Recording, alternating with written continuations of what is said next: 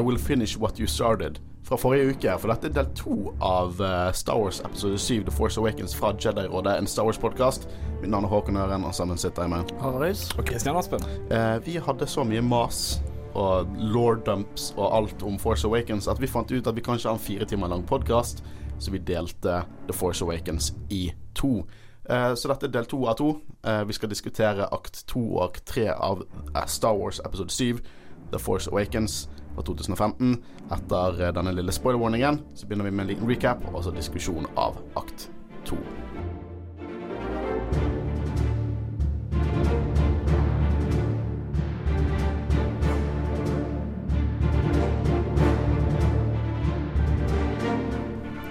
Jeg må igjen advare om at dette her er en spoiler-podkast, så hvis ikke du har sett filmene, så må du slå av nå.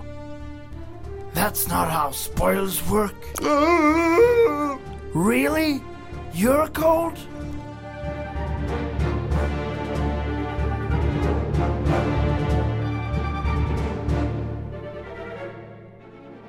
Nå skal Christian recappe akt to fra The Force Awakens. Eh, og så tar vi en liten diskusjon, eller en ganske lang diskusjon egentlig, etter denne korte recapen. Over til deg, Christian. På Starkiller Base der Kylo Ren og General Hux tilkalt av Supreme leder Snoke. Hux foreslår til eh, Snoke at de bruker supervåpenet deres til å tilintetgjøre den nye republikken og resistansen, noe han får tillatelse til å gjøre. Snoke avslører etterpå til Kylo at kartet som leder til Luke Skywalker nå befinner seg på The Millennium Falcon hos faren sin, Han Solo. Vi går deretter videre til The Millennium Falcon, som har problemer med hyperdriven, men en skarp ung jente ved navn Ray klarer å fikse den ganske raskt, og de kommer seg av gårde. På veien viser BB-8 kartet til Luke, men det viser seg at det mangler en bit fra det.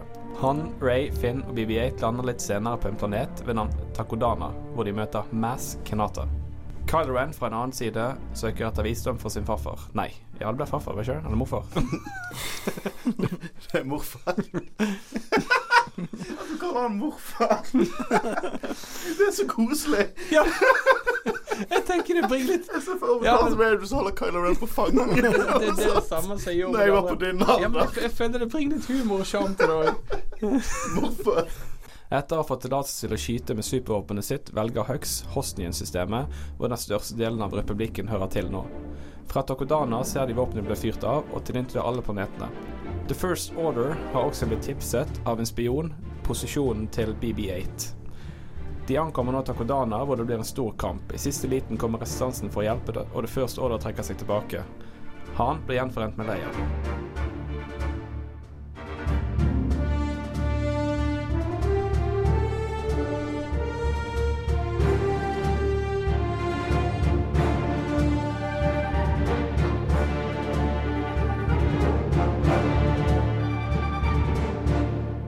Da skal vi ta og diskutere litt eh, inn i dybden til akt to.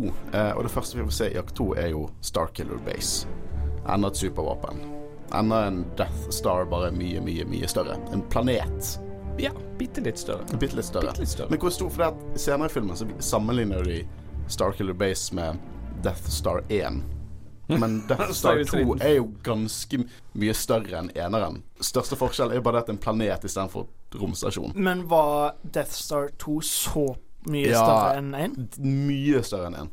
Ja, Kanskje ti ganger så stor som én. Jeg trodde de var samme størrelse. Ja, Men, det, det, det, eh, altså, har ikke dere hørt på Jedi-rådet uh, snakke om uh, Return of Jedi? Det bør dere gjøre. Det finner dere på din podkast-app. Men jeg husker når de viser prosjektor fra uh, Starkiller Base og Death Star. Det ser ut som en liten fjert i forhold. Jeg vet det. Eh, denne er jo litt større enn Death Star 2. Sikkert ganske mye større. Men det er liksom, jeg føler at Ja, kanskje det er mer sånn feil propaganda fra Resistance her. Kanskje de følger litt på sånn Rebel-greier. At de viser det minste supervåpenet de slåss mot, bare sånn at folk skal være sånn Nei! Men i hvert fall, det er et nytt supervåpen. Uh, og hva synes dere om det?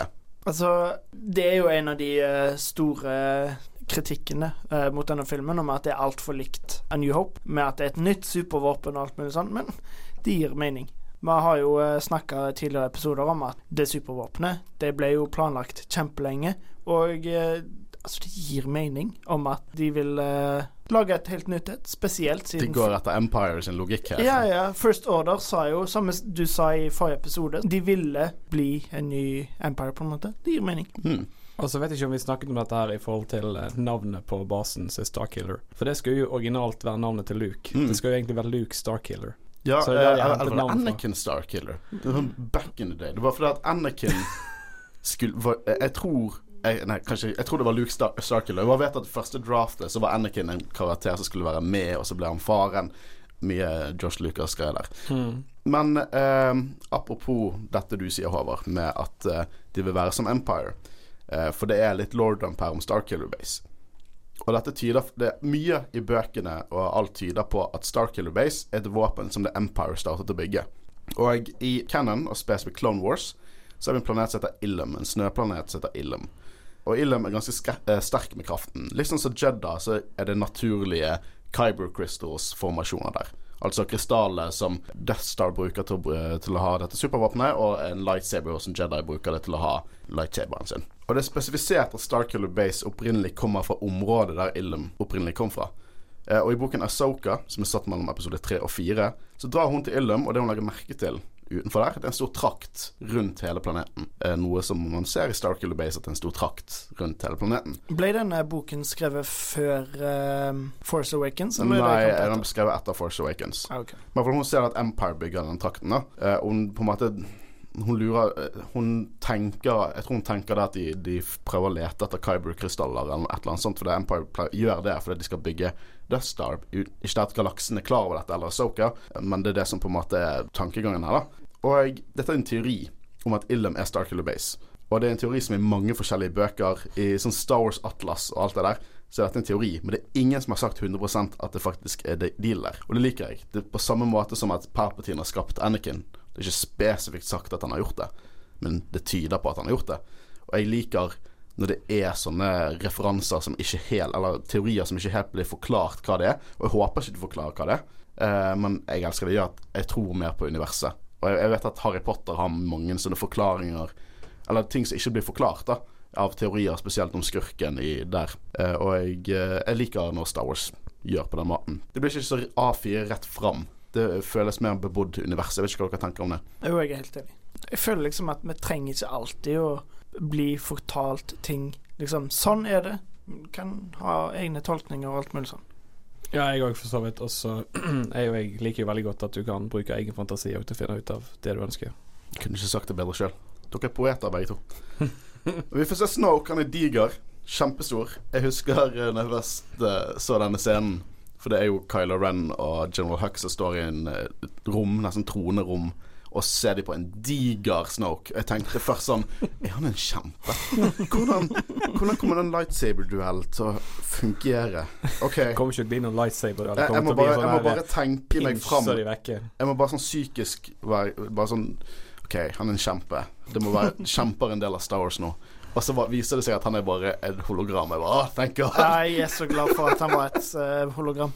Ser du ikke det fra den scenen at han er et hologram? Nei, for han har farger og er klart. Og så viser at det er faktisk framgang i måte teknologien da i Ja. Star Wars-universet. At hologrammene har blitt kan bli ganske mye bedre. Eh, som er kult. Her skal du få en fun fact. Tidlig manus var Snoke Miss Snoke. Det hadde jeg likt. Det skulle vært en dame, egentlig. Ja, det tror jeg hadde likt. Jeg hadde likt å sett en kvinnelig skurk. Ja. Vi får jo se det i Clone Wars, liksom, men eh, det var kult å se det på en måte i, i hovedcanon, da. Eller alt er canon, Så det som jeg fant men eh, i eh, hovedmaterialet. Det som jeg fant i manus, da, eller det fra nettet, så sto det 'Miss Supreme Leader Snoke'. Og det høres litt ut som sånn missekonkurranse. Miss Supreme. Jeg er egentlig ganske glad for at eh, Snoke er som han er, fordi eh, Andy Serkis spiller så ufattelig. ja, ja, helt enig. Jeg føler ikke han helt får fram eh, han- Jo, han spiller jo bra voice acting-messig, men Uh, han skinner mest i Last Jedi i, i forhold til uh, sånn motion capture og alt det der. De, de scenene er ja, kontroversielle, men han gjør en fantastisk jobb, syns jeg. Vet, vi tar dette senere, Kristian Jeg skal ikke si noe.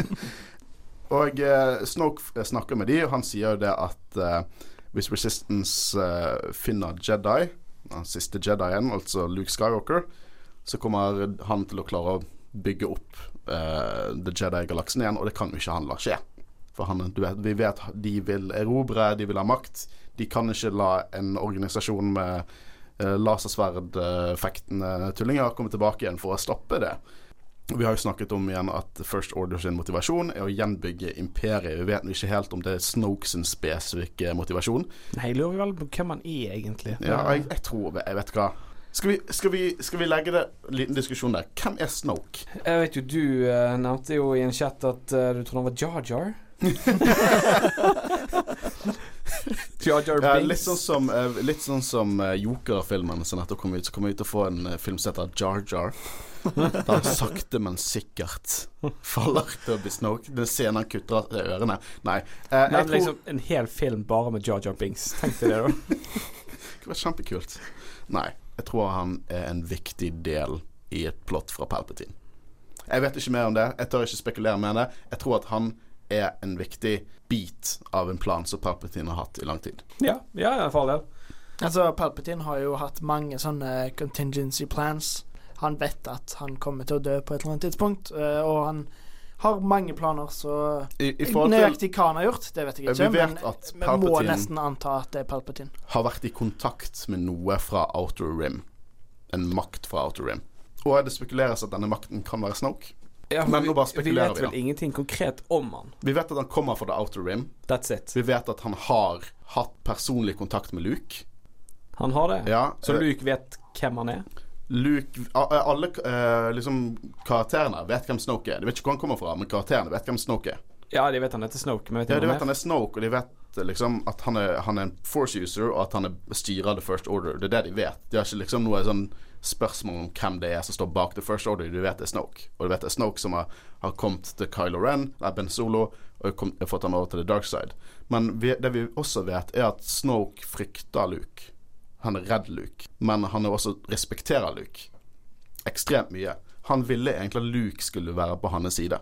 Uh, og det er noe som vi får se i Age of Resistance, Kylo Ren eh, Nei, Snoke-tegneserien. Egentlig kanskje ting vi burde snakket om i Last Jedi, da, og dette er bare spekulering. Mye Rise of Skywalker, trailer-greier og comic books som kommer inn her. Det er nesten som vi burde hatt en bonuspodkast om spekulasjon, spekulasjon, men tilbake igjen til Force Awakens. Snoke og uh, First Order vil knuse eh, republikken en gang for alle, og Huck sier at våpenet er klart. Og da sier jo også Snoke at han skal preparere våpenet og skyte mot republikken. Og så er det en mindre eh, samtaler mellom Kylo Ren og Snoke. Så sier han det har vært en awakening. Ja. Roll credits. Have you felt it? Yes. Eh, og eh, det jeg tenker, basert på hva vi får vite i senere filmer, er jo at denne awakeningen er jo Ray. Det er mye som har blitt formidlet i bakgrunnscannon. Forresten, hun eh, hun eh, Jocasta, hvis dere husker hun. Hun ble bibliotekaren fra episode 2. Hun som bygde en liten Jedi eh, Temple First Price til Luke. Hun ble jo drept av Darth Vader mellom episode 3 og 4. Eh, og hun begynte å bantre litt til Vader under den duellen, da, og si det at deres formål er jo å knuse, liksom, fjerne the light side of the, of the force. Men det kan ikke bli balanse på den måten. The force har sin egen vilje, og The Force vil finne en catalyst automatisk til å gjenskape balanse. Og det er sterkt hintet at denne catalysten er Ray. Betyr det at eh, liksom The Prophecy ikke nødvendigvis er én spesiell karakter, men at det på en måte bare er at The Force kommer til å finne en Ja, Ny gjeng, liksom? eh, vi vet jo ikke det igjen, for at profetien er jo ikke spesifikt eh, lagt ned. Men det tror jeg også. Jeg tror at profetien er individer, eller individ, som kommer til å gjenskape balanse. Og Ray er helt klart en ekstrem eh, eksempel på et sånt individ. Og vi får jo vite, i, uten å snakke for mye om Last Jedi, da, men at i begynnelsen av Last Jedi så har Luke eh, liksom koblet seg av The Force. Og det kan også være en forklaring på hvorfor Ray er så mektig som hun er. At det er få mektige Force-brukere der ute som på en måte er ikke away from keyboard, sånn som Luke er. Så. Så det du sier, er at når, når Luke skrur på kraften igjen, så begynner Ray å bli svakere? Ja, det, det er en logikk, det, altså. Jeg vet ikke om du kan miste force powers der. Eh, nei, det, det er egentlig er, spekulering Det for er meg. liksom en sånn barometer. Det går opp og ned hele tiden. Men jeg tror at eh, Nei, liksom Ray er jo helt klart en catalyst her. Eh, Hvordan hun er så mektig og sånn, det tror jeg vi får vite mer om i siste film. Men eh, for å skape balanse in the force, og Chosen One er helt klart en del av det regnestykket, mener jeg. Men eh, nå snakker jo De har jo snakket om dette her med at det har vært en awakening, og Snoke forklarer at kartet er om bord på Millennium Falcon sammen med faren til eh, Kylo Ren. Altså Han Solo. Vært en stor revelation for dere? Nei. Nei. Altså, de eh, hinter jo til at han har en eh, Altså at foreldrene er noen vi kjenner, tidligere i filmen. Men jeg husker likevel at når jeg så det på kino, så var det liksom sånn wow. Ja, Så jeg, kult. jeg var wow. Jeg var sånn, jeg var sånn uh, Men jeg, jeg gjettet det. Ja, ja. Det, det er ikke så rart. Men det er et kult øyeblikk. Ja, Kjempekult øyeblikk. Ja, Jeg er enig, men det er ikke like jaw-dropping som Luke. I am your father. Det er det ikke. Det er det ikke. Eller sånn som det egentlig sier No, I am your father. Å, jeg er så drittsekk. Men uansett uh, Nå begynner de å snakke om at Kylo Ren Han er the master of the Knights of Ren. En karakter vi ikke ikke kommer til å se før to filmer senere. Det jeg liker her, da, er jo det at eh, Snoke sier at dette er en test du aldri har på en måte vært gjennom. Og det er liksom det at vi ser dark side-bruker som er redd for å falle til the light side. Og det syns jeg er unikt med den filmen. Kylo Ren er oppriktig redd for å bli dratt over til light side. Ja, det går jo begge veier. Ja. Det, det er litt kult. Det, det, det viser også at uh, Kylo Ren er ikke helt gone ennå. Og nå er det tilbake en scene til, uh, på Millennium Falcon, og uh, jeg ser at Finn han skrur på dette holochesset, eller holosjakken, Ja, ja, ja. fra episode 4. og det begynner der det ble avsluttet. For 34 år siden. Kødder For 34 år har ingen slått deg i regnet på. Ja, men du, det kan jo være tilfeldig. Det kan være det blir spilt i parti som Akkurat på samme- på Det er, samme måte. det er stop motion også som er kult, men det spesifikt begynner der det ble avsluttet i A New Hope. Tror du virkelig han Solo er veldig glad i dette her? Du ser jo Chewbacca er kjempeglad i det. Så Ja, men- ikke Chewbacca når Ja, han skrur det på. Så tenk- Chewbacca sånn uh, Hva er det for noe? Tenk Men- om uh, Solo uh, ikke liker å spille det, og så Men har du, ikke du Chewbacca snakker som om jeg fornærmer de, liksom. At jeg må respektere at Solo ikke liker å spille holosjakk. Men en ting jeg lurer på om du vet, er når de mista The Millennium Falcon. Kanskje et par år. par år, ok. Et par år, vil jeg gjette. Jeg vet, det alltid, Vi snakket litt om han der Duquesne som stjal den fra Han Solo. Jeg vet ikke spesifikt tid, men uh, tror ikke han har vært vekke i betrakt veldig lang tid. Eller jo, den har jo vært vekke i flere år. Den har stått på Jakku i mange år. Kanskje mer, år, flere år enn jeg, enn enn jeg tror. Ray sier jo tidligere i filmen at dette skipet har ikke flydd på flere år. Og det Ja, det er tid til å på en måte støve ned og bli gammel, så jeg vet ikke, jeg. Nei, men det, det, det går helt fint. Og nå Dette kartet. Yes, the dette, map. Ja, dette kartet. Og eh, BB8 har, har en del av kartet til, som skal føre til Luke. Og det høres ganske tynt ut, egentlig. Syns dere ikke? Og vi skal finne et magisk kart. Jo, det høres jo ganske tynt hvorfor ut, skal egentlig. Men det ting, tyde til, eh, tyde til at liksom det fører til Luke? Ja, men òg igjen, hvem laget kartet? Ville han at noen skulle finne han? Laget han kartet sjøl? Fikk han noen andre til å lage kartet? Hvor er meningen bak kartet? Hvorfor er vi kart? Jeg er så glad for at du stiller disse spørsmålene. Det er derfor du sitter her med oss. Fordi de snakker jo om dette med, med Luke, hva som har skjedd her, og han Solo sier liksom Kjempekul scene. At uh, han tvilte originalt på liksom the Jedi, the Force, the dark side, the light side. Og så snur han seg. It's true. All of it. Kjempekul. Var med i traileren. Og jeg, eh, han snakker om dette som skjedde med, med Luke, da. At en av hans studenter eh, gikk imot han, og jeg eh, brente ned alt. Og Luke følte seg skyldig, så han bare forlot alt. Og så sier han det at de som kjente han best, mente han dro for å finne det første Jedi-tempelet.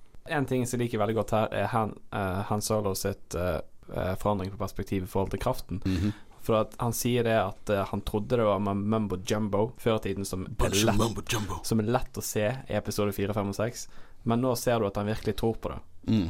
Han har mening om det. Det, for, det føles som Han Solo, men det er en utvikling av Han Solo som jeg syns er kjempebra. Han det, har det, liksom vokst opp. det, det har vært en stor fare for at når Han Solo kom tilbake nå, sånn filmmessig, at vi fikk en karikatur på Han Solo.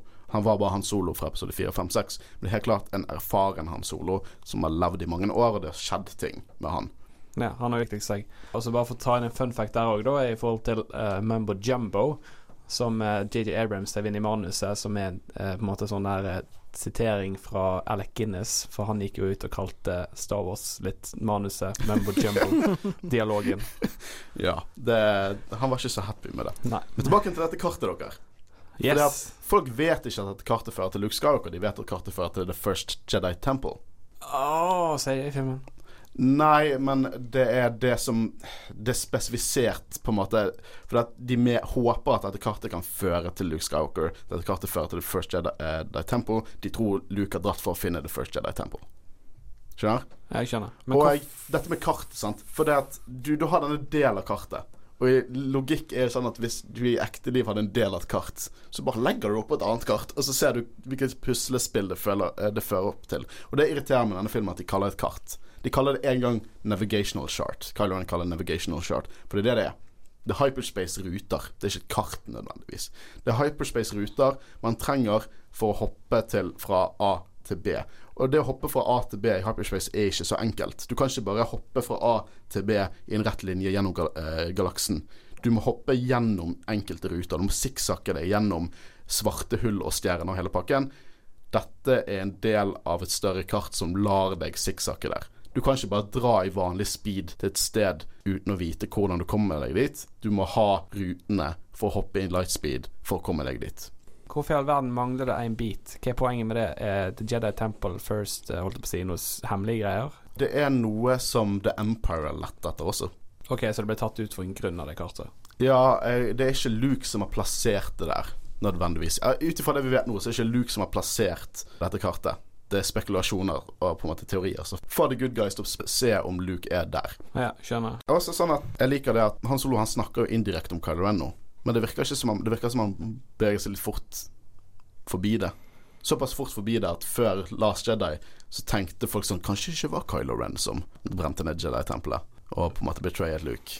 Nei, men altså, når du først møter folk, så går det ikke å si ja, altså Når sønnen min drepte mange folk Det er et godt poeng. Men uh, han, uh, vi får jo vite at Luke startet faktisk et nytt Jedi Academy. Og han startet faktisk et mobilt Jedi Academy som bevegde seg rundt omkring i galaksen. Det var ikke, et det var ikke plassert et spesifikt sted. Uh, Så det, de hadde bare en sånn stor campingvogn. ja, liksom. basically. Det var stor pilegrim-Jedi. Jeg syns det er litt kult. Og også på en måte gå i vekk fra logikken til, eh, til uh, prequels, da, der det på en måte var et stort tempel som igjen viste seg å ligge oppå et dark side-tempel, som ble sakte, men og sikkert korrupert av the dark side. Så ikke en del av den nye republikken? Ikke, eh, jeg tror ikke at Jedier var en stor del av Nå spekulerer jeg, da. Men tenk etter episode seks, så kan ikke du bare sånn introdusere nesten politisk mektige Jedi som er sånn vår, da, vår verdens millennials, liksom. Det går ikke. I motsetning til å ha en 900 år gammel Muppet og Samuel Jackson. Så, så de bygde nok sikkert opp mot det. Men jeg tror ikke det var en spesifikk eh, organisasjonspakt mellom The Jedi og The New Republic på dette tidspunktet, men det kunne jo bli det. Men de fikk jo rett og slett ikke nok tid til å bygge opp mot det. Det er flere år siden det Jedi-tempelet ble brent ned av, eh, av Kylo Ren og det som viser seg å være Nights of Ren. Men det var eh, denne scenen. Eh, Takodana og Maz. Vi får jo se Takodana. Eh, grønt og eh, frodig planet. Eh, og vi får se at Ray det er karakterfordypning her. da Hun sier hun aldri trodde Hun trodde ikke at det fantes så mye grønt i hele galaksen. Nei, skikkelig fint øyeblikk. Og Han Solo ser du at han Solo er sånn, ser litt trist på henne, bare stakkars. Mm. Jeg liker veldig godt den memen eh, der de bare har liksom eh, sagt uh, Når jeg tok i den scenen, og så når de ser ut, så er det bare en green screen. ja, det passer perfekt til det jeg skal si nå. For det at uh, The Force Awakens gjorde at de gikk litt tilbake på det Lucas gjorde i prequelsene. For han brukte så mye CGI at han lagde veldig alien-planeter. da Planeter som kun kan eksistere i et sånt univers. Men nå har de gått litt tilbake til det med sånn isplaneter, sandplaneter, skogplaneter. Eh, ikke at det plager meg, da, men jeg har litt lyst til å se litt sånn Litt sånn i fremtidige filmer litt mer sånn uh, unike planeter, da. Så det går fint an å bruke CGI til tider. Ja, så lenge det ikke bare er CGI. Ja. Og eh, vi får jo se at de lander Falcon, og uh, Chewbacca blir jo skadet tidligere. Det var sånn scene med oss når eh, Finn bandasjerer Chewbacca, så tar han opp eh, den der eh, droiden som Luke drev og, og trente med i episode fire. Den altså skyter blasters på han, og han tar ned blast shield. Bitte liten scene med sånn to sekunder. Han bare ser på han, og så ser rart, så kaster han den vekk. Jeg liker det. Det er så mange gode easter eggs fra Ja, ja. de gamle filmene. Wait a minute, jeg vet jeg er trøtt her i dag, så jeg bare spør. Har vi kommet forbi den scenen hvor de eh, flyr ut av hangaren i Hyperspace? Ja, det- Hyperspace? Eh, De flyr fra Hyperspace i slutten av forrige akt. Det var forrige uke. I know! Vi glemte jo å ta med den fantastiske replikken til Han Solo. uh, når Ray spør om uh, han har gjort dette før. Og så sier han Ja, eh, ja. Han spør han- aldri seg sjøl om det før han faktisk gjør det. I never asked myself before I Ja, det- jeg syns Men OK, beklager, Det, folkens. det går fint. Eh, men de har landet på Takodana, og de går ut. eh, Chewie tar og ser litt på skipet, og Finn spør han Solo liksom sånn, Er det First Order-sympatisører her? Hva, hva er deal her? Er det liksom big deal i First Order? Og så tar uh, han Solo gir han en blaster, og så sier han sånn her Du har et mye større problem, for det Kvinner finner alltid ut sannheten. Alltid. og det sier mye om han og Leia, føler jeg. Den setningen eh, sier mye om han og Leia. Eh, men de går nå ut, og Han Solo har en liten sånn uh, peptalk med Ray. Tilbyr hun faktisk en jobb. Noe jeg føler er veldig ukarakteristisk av Han Solo, men nå har jo han sett Ray fikse ting med, han, med Millennium Falcon som han ikke tenkte over. Sånn I bypassed the compressor når de eh, har problemer i, i lightspeed. Så jeg kan skjønne det, og Chewbacca liker hun. Eh, det er også ja, spekulasjoner der folk bruker det argumentet på at ja, hun må være spesifikk for Han Solo. Vet hvem hun er, men Han Solo nekter å si til henne hvem hun er. Jeg vet ikke, men Han Solo tilbyr hun faktisk en jobb, men sier at 'jeg kommer ikke til å være grei med deg, og du kommer ikke til å betale godt'. Men Ray føler hun må dra tilbake til Jakku, for hun venter på noe tilbake på Jakku. Og her kommer egentlig alt jeg vil snakke om den scenen. For Han Solo gir henne en blaster. Den blasteren er så jævlig kul. Den, den sånn chrome blaster. Og jeg, hun sier 'jeg tror jeg kan passe på meg sjøl'. Ja, det er derfor du får den. Som jeg syns er kul eh, anti-klisjé-dodge, egentlig. Jeg bare elsker den blasteren. Har dere ingen mening om, den blasteren? Jo, eh, bare for vi ikke sier ting, så betyr det ikke at vi ikke har noe å si. Jeg er helt enig. Den er dritkul. Er det det du vil at jeg skal si? Ja, det er det jeg vil høre. det Jeg vil høre at du syns den var kul. Den er veldig kul, Håkon. Han okay. var stygg. Så må du gi deg. Ja, de kommer til Mars Kanata sin eh, tempel. Castle. Eller slott. Castle, Slott. kantina, eh, Nachspielbar. Eller, eller palass. Nå, Eller snak, palass. nå snakker vi skikkelig palass, Ja, det er skikkelig palass. Det er Fuck det der, ja, det der dritet til Jabba the Putt. Eh, og det som er kult, er at de går inn her, og Han Solo sier at hun har drevet dette watering hallet i, i tusen år, og mye backstory om uh, Maskanata. Og så en droid som går utenfor. En praktisk droid. Og det er en jente på stilter i et veldig intrikat kostyme. Og det ser nesten ut som CGI, for det er så, det er så Star Wars. Uh, du kommer sikkert til å forklare dette mye bedre enn meg, så jeg bare spør deg istedenfor. Alle de der bannerne som Ja. henger utenfor, kjenner, de kjenner du, er det noen kjente du ser der, som ja, du kan ja. eh, Eh, Du litt om? ser Hondo og Naka, hvis du vil klare over hvem det er. Jeg har hørt om. uh, han er med i Clone Wars og Rebels. Han er en pirat. Veldig Han er også en sånn announcer uh, på Galaxy's Edge. De lagde en sånn uh, animatronic av han. Uh, hans skipet uh, Hans Ikonet på hans skip er der. Du ser uh, Bobafett Boba Fett sin sånn Mandalorian skull der. Og du ser jævlig mange av flaggene fra podcast Nei, podcast podracing-scenen fra Phantom Menace. Sånn, nesten alle flaggene som var med i podracing-scenen, er der oppe. Så det fungerer det egentlig mest som en som easter egg? Ja, masse easter eggs, men jeg kan kjøpe litt sånn at OK eh, Jeg kan kjøpe Bobafett har sikkert brukt det der som en sånn der eh, base vekke fra hjemmet sitt til tider. Gir mening at Bounty Hunters dukker opp der og på en måte får informasjon. Jeg vet mange får informasjon fra Mars Granata om enkelte ting. Eh, hun har jo en regel om at det ikke skal være noen konflikt på liksom, hennes område. Det skal ikke være kamper, det skal ikke være blasters. Det, og alle respekterer den regelen. Eller ikke First Order respekterer den regelen. De fleste respekterer den regelen. Eh, også 501st Le- Legion. ser det nå. Ja ja, Five of First. ja. Fist. Det er symbolet til de òg henger der. Henger, oh, ja. Så jeg, kan, jeg vet ikke om du kunne forklart litt om det òg. Um, det vil jeg gjette bare en easter egg. Jeg, har, jeg, har ikke, jeg er ikke klar, var ikke klar over at de, det er hagen der, da. Okay. Uh, men uh, Five First bare sånn for de som ikke vet, er jo uh, Når vi så Anakin invadere Jedi Temple i episode 3, så var det Five of First som fulgte med han. Det var Anakin sin legion. Og Five of First ble på en måte kalt, i Legends i hvert fall, Vaders Fist. Uh, Vaders Fist, liksom hans legion, da. Uh, jeg vet I Cannon er det ikke spesifisert om de gikk over til å bli Stormtroopers, eller om det fortsatte der. Men Five of First er egentlig noe som ble gjort om til Cannon av kostymeklubben Five of First, som er på en måte en gjeng med folk som kler seg ut som uh, Stormtroopers og Clone Troopers og dusørjegere og Darth Vader, og egentlig gjør mye bra sånn charity work for, uh, for eh, kreftsyke barn og mye, mye kult der. Så de ble faktisk gjort til canon. Eller deres navn ble gjort canon. Er en easter egg til de, som er veldig kult. Ja, det er veldig stilig og kult gjort av, eh, Mm. av Det Disney. interessant. Uh, og jeg eh, Ja, så det, det jeg liker med flaggene, da, er at det her er referanser til alt, som dere sier. Ja. Alt av Star Wars. Prequels, Clone Wars, sequels, OT-quills. Det er liksom alt det der. Eh, og jeg, husker jeg ble så Jeg er jo stor fan av Bobafett. Så når jeg så traileren at nesten midt på det palasset, så ser du Bobafett sitt jævla symbol. Det er bare sånn Du skal få hjelp fra Bobafett! og Bobafett skylder uh, Han Solo en tjeneste. Og han er en stor del av filmen. Nei, det har han ikke. så ikke Det lærte meg en, en lærepenge at jeg ikke skal på en måte komme med, så, med sånn sinnssykt dype teorier før jeg faktisk har sett filmen. Men jeg tror at mange fans av Last Jedi burde lære seg. Men nok om det, Christian. Uh, Jeg trodde vi ikke skulle gå der. uh, og dette er helt klart en referanse, for de går inn i kantinaen, og det er helt klart en referanse til originaltrilogien sin kantina. Bare blåst opp av proporsjoner. Så mye praktisk effekt. Sinnssykt mange aliens, Du har sånne store fluefolk. Du har igjen noe som ser litt ut som stereotypiske space-jøder som spiller kortspill borti hjørnet. Og det, det er bare Prop Department har bare gått amok her inne. Og så er det musikken. Så nesten Star Wars reggae- reggae-musikk.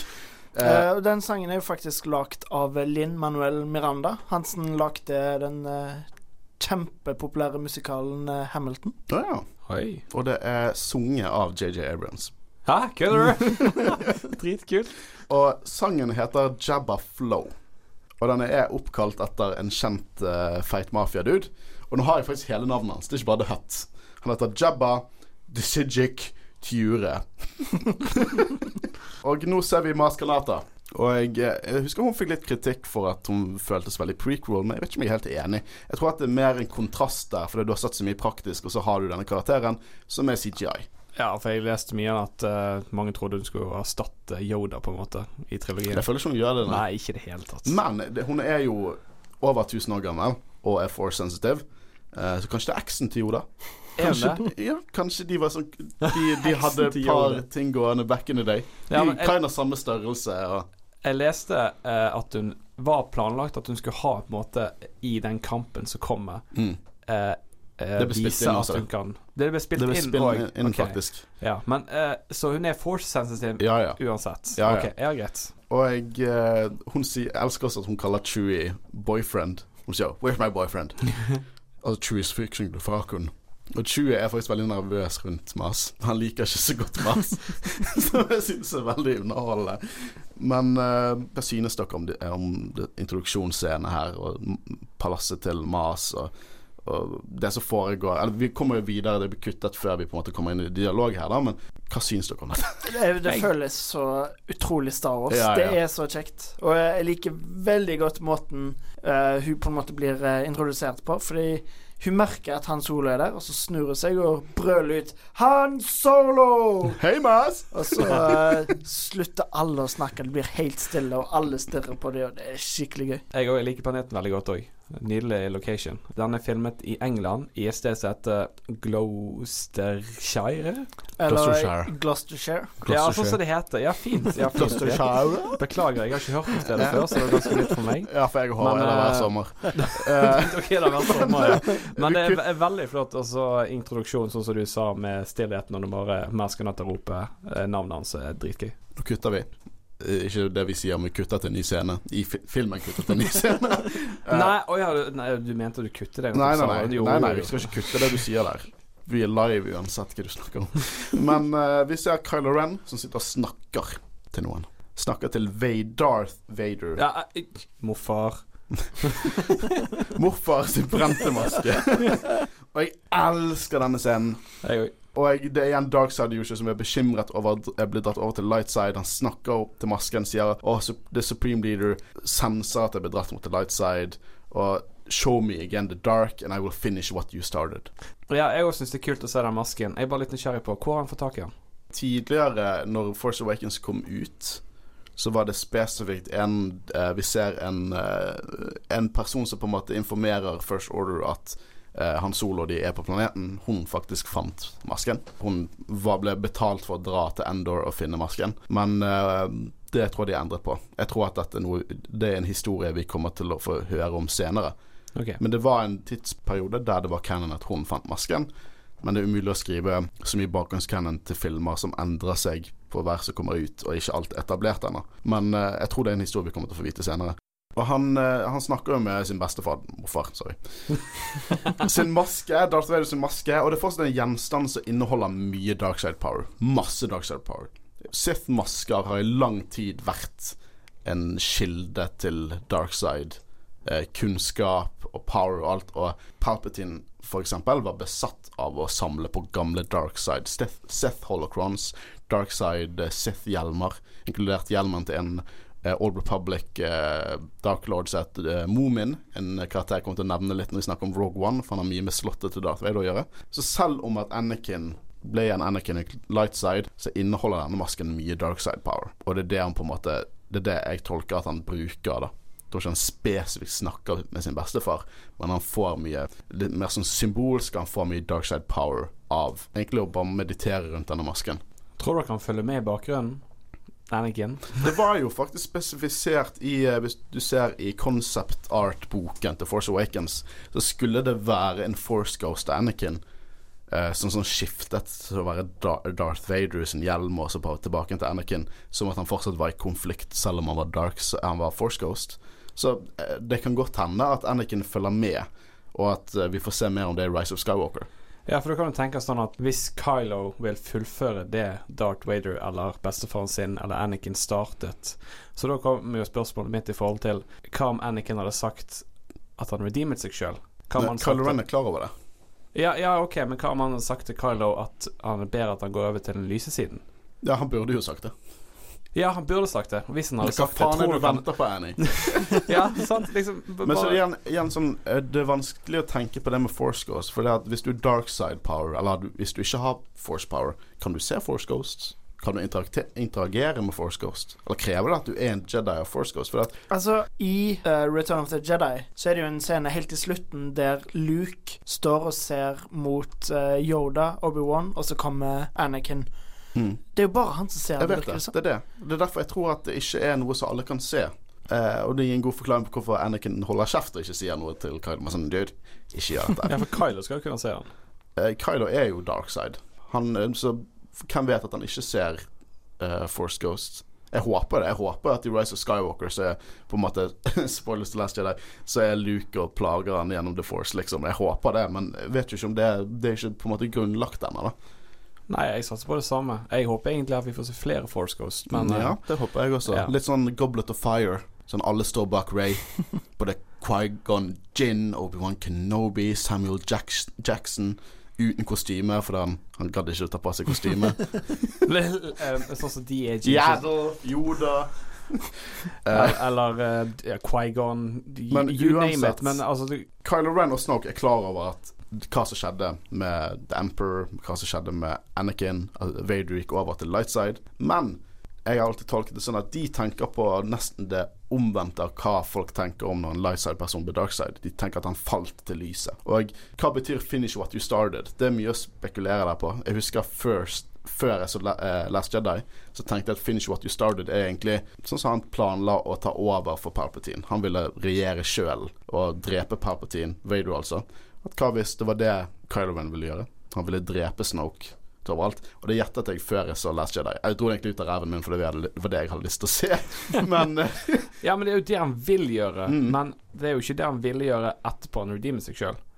Han, han gikk jo bak til den lyse side på slutten. ja, men når du tenker eh, i forhold til Anakin og Vader Ja. Når du tenker det at eh, Vader og Anakin er to veldig forskjell, forskjellige individer. Og Kylo Ren tenker nok ikke nødvendigvis at det er Anakin han snakker med, han snakker, han snakker med Darth Vader. Darth Vader, det var han som redeemer seg sjøl. Det var han som gikk tilbake til den lyse siden. Ja, ja, men det, det spørs hvordan de ser på det. Jeg tror Darth Vader på sin peak er ikke Anakin. Nei. Men Det- Darth det- Vader som ble redeemet er her- nesten, ikke- Det er nesten som eh, Det er nesten, Hva heter den der eh, klassiske bokserien Uh, der det er liksom monster og mann, og det hulken er veldig inspirert av det? Hyde og jeg eh, Ah, Å, Dr. ja, eh, Dr. Jekyll and Jekyll. Mr. Ja, Hyde. det er litt sånn. Hvem som slåss om uh, kontroll, egentlig. Ja, men uh, sett Anakin til side. Det er ikke han jeg snakker om. Du snakker om Vader som ble redeemet. Ja, om ble at Anakin vant over Vader, basically. Det, det er sånn mange ser på det. Og det er sånn de har spesifisert det. Så det at når de snakker om Når han snakker til Vader, så tenker jeg ikke at han snakker til Anakin, han snakker til Vader som en annen Han er en annen person enn Anakin. Så det du sier, er at Anakin våknet igjen når han uh, Wader kastet uh, Palpatine over bord? At, at Anakin skinte gjennom gradvis, også veldig basert på, på Luke. Men dette er forskjellig. For eksempel i Darth Vader-komikken så behandler de det som at Anakin ikke lenger er en del av Vader. Han, det er faktisk en, scenar, et, et, scene i den tegneserien der han først peaker som Sith Lord, og da går han inn i en vision. Så det ender med at han, han går inn i vision, han dreper han blir kastet ned i lavaen som Anakin. Blir kastet ned i lavaen av Obi-Wan, og så reiser han seg opp som Vader fra lavaen. Dreper han Obi-Wan, og så kommer Anakin og angriper han. Så dreper han Anakin, så dreper han Padmay i denne visjonen sin. Som at han har drept alt det der. Han er ikke Anakin Skywalker lenger, han er Darth Vader. Uh, Alec Guinness sier jo, som Obi-Wan-karakteren, at Darth, eller, uh, Darth Vader drepte Anakin, som var min bestevenn, eller mm. han, eh, Luke sin far. Så det du prøver å si, er at Anakin da kom tilbake igjen og tok vekk den skikkelsen som var Darth Vader? ja, det er sånn Nå er jo ikke Nå er dette fortsatt en sånn teori og hinting til hvordan det fungerer, men når, ben, når Kylo Ren sier at han destroyed Ben Solo senere, så prøver han liksom å være det. Anakin sier til Asoka Nei, Vader sier til Asoka i Rebels at han ødela Han drepte Anakin, og nå han Vader. Og uansett om han gikk over til light side, så har Darth Vader brukt denne hjelmen.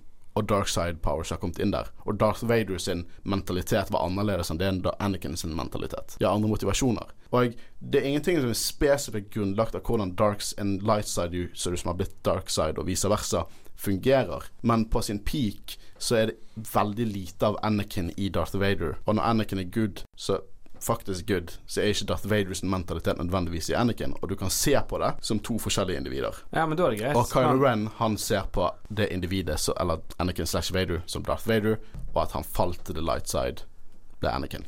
Ja, så, det var greit. så han det, døde det... med Anakin, basically. Uh, og nå kommer vi tilbake igjen til, uh, til uh, Mas. Og hun forklarer litt av denne konflikten mellom light side og the dark side. Hun sier det, det, var The Sith, The Empire og nå The First Order. Og han Solo er rett tilbake igjen til The Fight. Og jeg Hun kaller det Empire evil. Kan hun bare holde kjeft? Hun vet ingenting.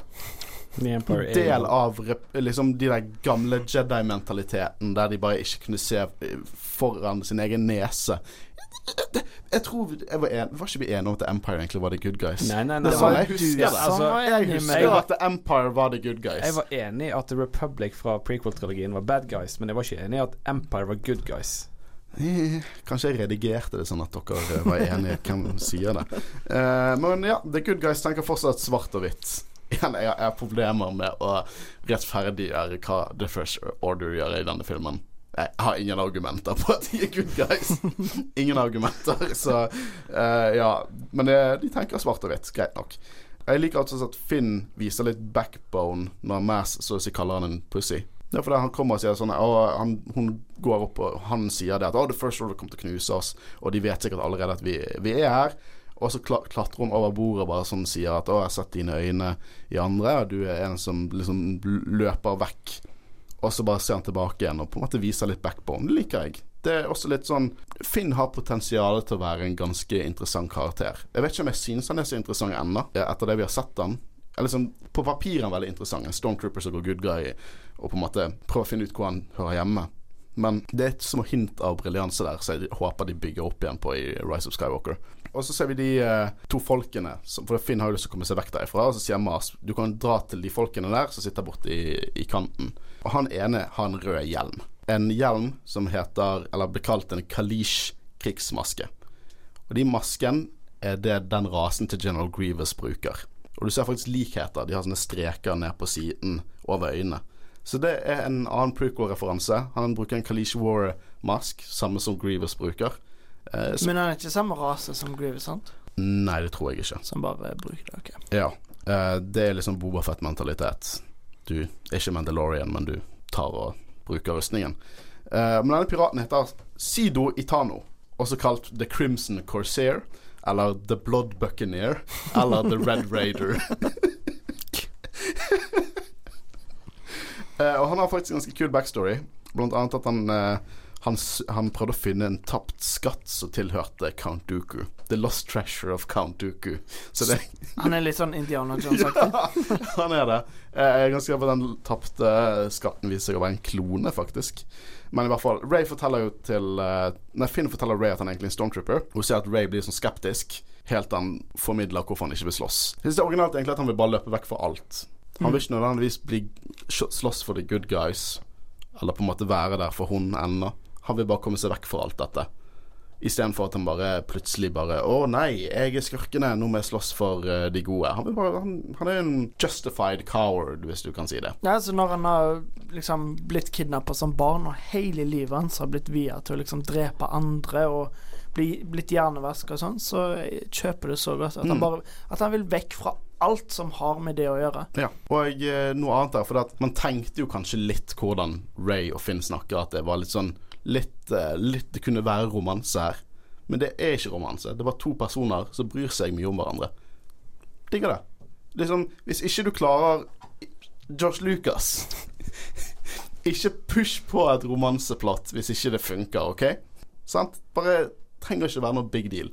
Men jeg kommer jo til å sluke de ordene mine når vi skal innom Last Jedi, for det romanseplottet der er ikke spesielt bra. Det er mye å kritisere der, holdt på å si. Uh, ja, men eh, det er den gang. Nå får vi det at, eh, at Så han går jo med de to piratene eller smuglerne, mens Ray begynner å høre stemmer. Hun er ikke gal, hun hører noe force Vision i. Så hun går ned i eh, en kjeller. Jeg liker veldig godt at du ser BB-8 følge etter henne som en hund. Og sånn, rull- han sånn gradvis sånn kroppen ned, hopp, kroppen ned, hopp, bak og ned trappen. For han er jo bare en ball, så han bruker sånn jævlig lang tid på å komme seg ned dit. Men uh, Ray finner Anakin sin lightsaber. Klassiske Anakin sin lightsaber. Lightsaberen som vi sist så i Empire Strikes Back, som falt ned, eh, ned i Bespin, basically. Uh, og vi får se en vision med masse forskjellige ting inni. Det første vi ser, er at vi får se faktisk Cloud City. Gangene for Cloud City. Vi hører Darth Vader sin pusting. Eh, nå ser vi det som virker som ødeleggelsen av det nye Jedi-tempelet. Antar jeg. Basert på alt uh, satt sammen. Vi får se The Nights of Ren uh, med Kylo i fronten etter at Kylo tilsynelatende red- redder Ray fra et eller annet annet Uh, kriger. Og jeg må si at dette vet jeg ikke, men den krigeren ser ut som en av krigerne fra Rise of Skywalker som uh, Kylo Ren slår ned i traileren. Han sånn dropkicker en fyr. Eller han, på en måte slår han med feil side av lightsaberen i magen i traileren med sånn rød bakgrunn. Ja, stemmer det. Ser veldig lik ut som den vi så i, i, i Force Awakens. Ja, nå, nå beveger vi oss på farlig spekulering Jeg, jeg, jeg har ikke sagt over men jeg ser likheten. Ja, sant? Ja, ja. Når du tenker over det nå. ja, ja. Eh, så kanskje det er noe som kommer til å bety noe senere. Det er fullt mulig. Mm. Vi får altså høre Yoda som snakker om The Force. Og vi får se Ray som blir forlatt på Jakku, og det er, det er han eh, Simon Pegg sin karakter Uncle Plutt som holder tak i henne sånn Easy girl, eller Come here, girl. eller Quiet girl. Det var det han sier. Eh, vi får også se skogen på Starkiller Base, som vi får se senere i filmen. Og vi hører eh, Obi-Wan sier eh, Ray, these are your first steps. Både Ewan McGregor og Alec Guinness eh, sin Kenobi. Og sorry. Han viste med fingeren for han skulle til å si det. Beklager. Men det som er kult, er at de tok uh, Alec Guinness sin Ben Kenobi, og så tok de når han sier 'afraid', tok de vekk Afr og så blir det Ray. Klippet det back. Det, det syns jeg er ganske kult gjort. ja, ja. Og Ewan McGregor sier 'these are your first steps'. Ja. Det er kult. Obi-Wan er med i denne filmen. Det er awesome. Det er kjempekult. Og jeg, eh, hun ble kastet ut av denne Force Vision, da. Eller noen har dubbet det til Forceback. uh, og så kommer Mas ned og forteller Ray at de hun venter på Jakku, er ikke noen som kommer tilbake. Hun vet ikke helt hva hun venter på, men de kommer ikke tilbake. Er, det er ikke del av hennes historie.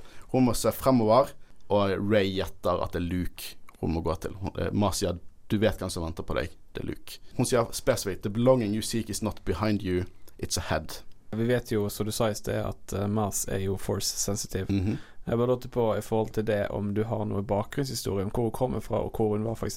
i og med at hun er 1000 år i prequel-trilogien. Det er ingenting spesifisert ennå. Okay. Det alt vi vet, er at hun har drevet dette greiene i 1000 år. Så jeg vedder på at hun er eldre enn 1000 år. Hun har drevet det stedet hun har nå i 1000 år. Mm. Hun har ikke vært noen andre steder. Du, hun har jo Jeg vil jo gjette at hun har det, men Ja, det, det er liksom det, men hvis ikke vi har noe bakgrunnshistorie å gå på, så er det vanskelig å finne ut av. Jeg bare gjett at hun er eksen til Yoda, og så vil hun liksom ikke følge The Force. Ja, ja. hvem sier det? Nei, nei, jeg, jeg bare, jeg bare syns det er interessant, for Det det, er jo på en måte samme mystikken som du har rundt Yoda, Det er sant. Det har jeg ikke tenkt Altså. Det vet vi ikke. det er ganske interessant. Mm. Ja, men hun forteller det bakom betyr ingenting ting mens Ray skal se fremover. Og ja, tidligere så har hun spurt eh, Han Solo, det ble kuttet der, spurt Han Solo hvem er jenten. Eh, og der igjen kan jeg se litt poeng på sånn Bygger de opp hvem er Ray og hvor hun kommer fra. Men så sier hun også at Hun sier hvor Ray kommer fra. Det er en del av hun De som hun venter på Jakku, er ikke en del av hennes historie. Hun skal se fremover. Og det er min, mitt største argument, egentlig, at jeg føler ikke denne filmen bygger nok opp mot at hun er en karakter som har en lineage fra Det kan jeg må svelge alle disse greiene med Rise of Skywalker. Kan godt hende at plutselig er hun sånn klone av Luke sin avkuttede hånd. Hvem faen vet. Men Mas sier at hun venter, de hun venter på, er ikke viktig. De, de er ikke viktige for hennes historie. Så klart som overhodet mulig, føler jeg. Jeg skulle til å si faen, Håkon. Der har du faktisk et poeng. uh, den, den faktisk Den støtter jeg mer. Du støtter den, Den med? støtter jeg litt Ja. mer. Jeg, jeg, er glad vi, jeg jeg er mer glad når ikke vi krangler. Den likte jeg faktisk. Jeg hadde faktisk jeg et kan godt argument. si det. Det passer egentlig ganske godt inn. Ja, det var et jævlig godt argument. Eh, men jeg er jo veldig interessert i å høre hvordan hun fikk tak i lightsaberen til å begynne med. Det er en kjempegod historie for en annen tid. Oh, I see what you did there. Men òg Hvor er hånden? Hvor er han? Jeg sier det. Uh, jeg tror det Ligger den i kista? Jeg vet ikke hvor vi, Det hadde vært litt creepy. Hvis det lå en sånn innskrumpet sånn derre eh, Sånn sviskehånd bare bak lightsaberen. Altså Det er jo I noen sånne jungelfolk så har de jo sånne innskrumpne hoder. Så det kan godt hende at de hadde innskrumpne hånder. Uh, men i hvert fall vi får uh, vite det her eh, JJ sitt konsept av det, The Hero's Journey, og uh, at hun ikke liksom tar opp The Call to Adventure med begynnelsen. For det at eh, nå har vi funnet ut uh, Mas har sagt det at du, de du venter på, betyr ingen. Du må se mot Luke, og du må ta den lightsa- lightsaberen som tilhørte Anakin, tilhørte Luke, og nå caller lightsaberen på deg. Igjen gjør lightsabers litt mer mystisk. Ja, men der er jo et argument jeg har lyst til å komme med, at han går til Skywalker-familien. Det er der han lengter igjen. også, men også tenke både Anakin og Luke har blitt ansett som The Chosen One på sin tid. Ja, så nå er det Ray the chosen one. Mm. Ikke nødvendigvis en lineage der, Nei, men, men altså, jeg tenker jo sånn The Skywalkers er the chosen ones. jeg syns The Skywalkers burde kastrere seg for lenge siden. For det er annenhver generasjon går jo til helvete. Jeg tror denne generasjonen går rett eh, Eller rett vei. Du tror det? Ja. Med Ray? Med Ray. Falt du bare tilbake igjen på argumentet mitt nå? Nei, jeg, jeg tenker jeg, jeg, eh, I traileren så var jo det sånn helt klart litt sånn Er hun Skywalker? Han, han hadde The Force, jeg hadde Force, hun hadde Force, du hadde Force. Uh, OK, uh, Skywalker sa alle lightsavers, men I don't know, jeg vet ikke helt. Det, det er litt om og men her. Ja, altså for så jeg, jeg er jo enig Altså, vi vet jo ikke hvem Ray er, sant? Men i mine øyne, fra jeg så The Force Awakens, så ble jeg skuffet av den grunn at hun ikke var noen i The Last Last jeg, jeg ble også veldig skuffet. Eh, Jeg ble faktisk veldig skuffet når jeg fant ut i Last Jedi at hun ikke var noen. Uten å gå altfor mye. Jeg vet, Håvard. Og jeg vet, Håvard. Håvard, jeg vet. Men Men jeg bare tenker òg Det var jo mange som håpet hun var en Kenobi. Jeg bare tenkte Da burde, da hun, da vært eldre, egentlig. jeg vet det. Men du bare Men kanskje hun var beste bestefaren var Kenobi. Igjen der. Kanskje hun var adoptivdatteren til Mace Windu. Hvem vet, sant? Star Wars-fans. Men det var, så, det var egentlig det jeg kom om til der. Jeg ble først skuffet, og så tenkte jeg over det. Bare Ikke tving det på oss. La, liksom, la heller Ray være sin egen karakter, at hun absolutt skal være en, en legacy-karakter. At hun er et eller annet. Men det kan vi begge må sluke ordene våre når Rise of Skywalker kommer ut. Vi vet jo ingenting. Ja, det er helt sant. Det er så kjekt. Men når jeg ser på disse filmene Jeg skal ikke gå så mye inn på det, beklager. Men når jeg ser på disse filmene, så Dette er jo Det er Star Wars, det er trilogiene, og, og det er Skywalker-sagaen. Mm. Men vi har jo en Skywalker der. Vi har, liksom, nå er jo Ben er. Solo. Kylo Ren. Ja, det er også Luke. Men, uh, Og det er Leia. ja, men jeg er enig med deg. Vi må nesten bare vente, for begge Ja. vi kommer til å bli veldig overraska, kanskje. Det tror jeg. Jeg tror vi Så begge det- kommer til å bli overrasket. Ja, alle tre, for så vidt. Ja. Unnskyld, over. Ja, Håvard jeg aldri er overrasket. Han har jo holdt helt kjeft i denne diskusjonen her. Jeg har ingen geiter i det løpet. Jeg. Wow! Men Ray uh, nekter å ta imot lightsaberen og begynner å løpe. Håper hun løper mot skipet, for de er ikke ment hun skal bare løpe inn i en skogfull planet. Bare så går ingen steder. Men det syns jeg er litt kult, for nå får vi se uh, Finn-brukerne. Det syns jeg var litt gøy i filmen. Ja, uh, og de brukte jo det får vi se litt etterpå, da, men de brukte jo det liksom i traileren til å på en måte Er det han som er Jedien? Ja, sant. Er det sønnen til Mace du? Fordi at de har samme hudfarge? Nei, eh, det, det, den logikken går jeg ikke etter. Hvorfor var ikke han sønnen til Lando, da? Hæ? OK. Så når vi kommer tilbake igjen nå til Starkiller Base, der uh, de, uh, General Hux har en stor fremføring av det nye våpenet, og uh, ja det står, sånn, I notatene mine står det nazitall til Hux. Det, det, det er bare straight on the nose at det er fucking space nazister. Ja, men det er jo det kostymet som Hux bruker i den scenen der, er vel basert på uh, klær som uh, tyske eller nazistene brukte. Eh, ja, de er lange frakker Ja, og de litt sånn forskjellig. Mens i, uh, i originaltrilogien så var det nesten litt sånn uh, britiske uh, imperiet, på en måte. Mm. Det, jeg syns det er en nydelig scene. Elsker at han er så jævlig overdreven. Det er en av de beste talene som går ut på massemord, i hvert fall. I filmens historie. Og så Ja. Hux er så veldig ah, Hva er ordet? Tyggerscenen. Hæ? He choose the scenery. Ja. Overdreven. Men jeg Han er veldig overdreven. Ja, ja. Det, det føles veldig dramatisk ut, men, det, det føles det som han skal poppe en blodåre hvert øyeblikk. men jeg, det er litt kult òg. Jeg, jeg elsker scenen. Snøen, det røde First Order-flagget i bakgrunnen. Det er kult. Du ser fest med andre offiserer Ja, i bakgrunnen. Og eh, etter på en måte denne talen sin, så begynner ta alle stormtrooperne basically tar en, en, sin egen versjon av nazihilsen. Det, er så- det er sånn folk kan argumentere for at uh, The Empire er inspirert av uh, nazister, men dette er bare sånn Nei, nazister! Det er ikke noe spørsmål. Scenen er bra. Uh, og de skyter jo nå uh, Starkiller Base. Og det er OK. Vi har snakket om Death Star, Death Star 2. De har gjort en vesentlig oppgradering. Nå Det kan de faktisk skyte tre planeter på en gang. De kan skyte de kan, de, For de fucker opp et system, og strålen reiser gjennom lightspeed. Ja, sant? Strålen eh, reiser gjennom eh, lightspeed og knuser setet til republikken som nå ligger på Hostian Prime. Og her er jo det jeg føler litt Og det er noe jeg ikke helt liker. At det føles som de knuser republikken. For kommer du til et sted som ser ut som basically episode 3 Det ser ut som en scene fra episode 3. Liksom store byen Jeg var helt sikker på at det var Coruscant. ja, mange trodde det var Coruscant. Jeg tror ikke det er bare lett å knuse Coruscant. Men uh, Og det er litt sånn fuck uh, politikk, fuck prequels. Dette originaltrilogien. Og jeg Kom igjen, JJ. Prequelsene canon det òg. Liksom respektere det. Og det går an å gjøre politikk bra i Star Wars-universet, men i hvert fall de knuser Hosnian Prime. Eh, og dere ser en, en dame. Det fokuserer nesten på en dame når stråle kommer inn for å sprenge. Hun på en måte står over eh, sånn eh, rekkverk og ser. Og den damen, hun er en som heter eh, Core Sella. Hun var offiser i Resistansen og var sendt av Leia til Senatet for å komme med advarsler om The First Order. Eh, som sakte, men sikkert ble mer shady og aggressiv, og det viser seg nå at eh, de går ganske langt. Fram til nå har vi The First Order offisielt bare vært en liksom keiserlig kult som republikken ikke har vært så altfor bekymret over. Eh, Leia har jo i lang tid prøvd å advare de uten noe særlig lykke, og hun har også mistet en del creds i den politiske arena fordi at hun er Darth Vader sin datter. Det var ikke noe som ble holdt skjult originalt, men det kom fram når hun hadde lyst til å bli chancellor. Eh, og, så hun mistet egentlig all politisk creds av det. Eh, og jeg, The First Order fullstendig fucker opp republikken nå. Og mye av hva The eh, New Republic har gjort, eh, liksom nye politiske trekk de har gjort etter uh, Galactic Civil War. Uh, for den første chancelleren til New Republic, altså Mon Mothma, dere husker Mon Mothma, hun hadde en ganske shitty idé. For hun hadde lyst til å endre på mye av de reglene som Palpatine hadde innført.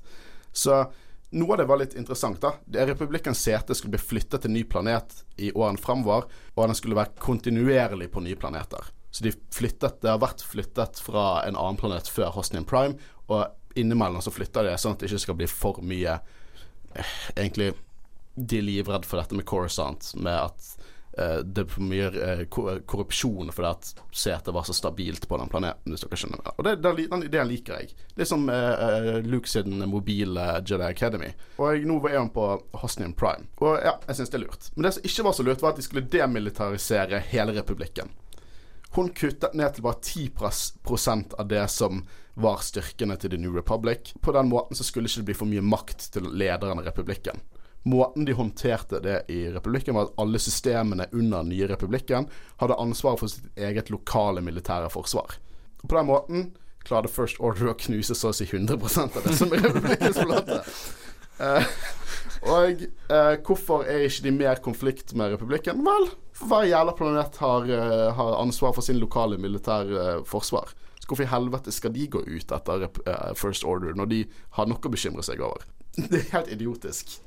Eller sånn, det, jeg, jeg liker det i historien. Ikke at det blir vi, eh, formidlet så mye i filmen, da, at jo fra bøker og sånn. Men jeg liker konseptet og hvorfor på en måte dette var en feil i republikken. Lay var jo veldig uenig med at de skulle demilitarisere republikken. Men det er også grunnen til at First Order har ikke så mye eh, motkamp fra republikken nå. For nesten alt er knust.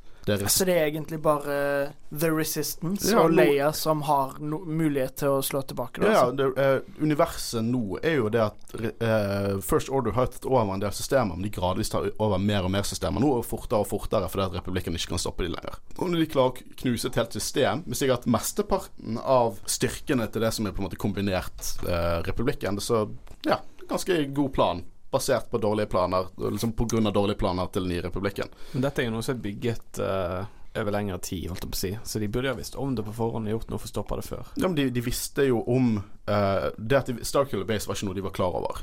Ikke i det hele tatt. Uh, nei, ikke før nå. En så svær ting. Ja, men det er jo galakse med de, De begynte i serien Resistance, den animerte serien, som jeg ikke har sett. Men der får man på en måte hint til at de har på en måte vært rundt og testet dette. Og så har de drept alle vitner, basically. og drept en hel planet fordi at de var i nærheten av testingen, og de kunne ikke formidle det videre. Skjønner. Ja, så The First Order er noen bad guys, men de, de er relativt lure, da. Uh, de på en måte bruker uh, de idiotiske taktikkene til republikken imot dem.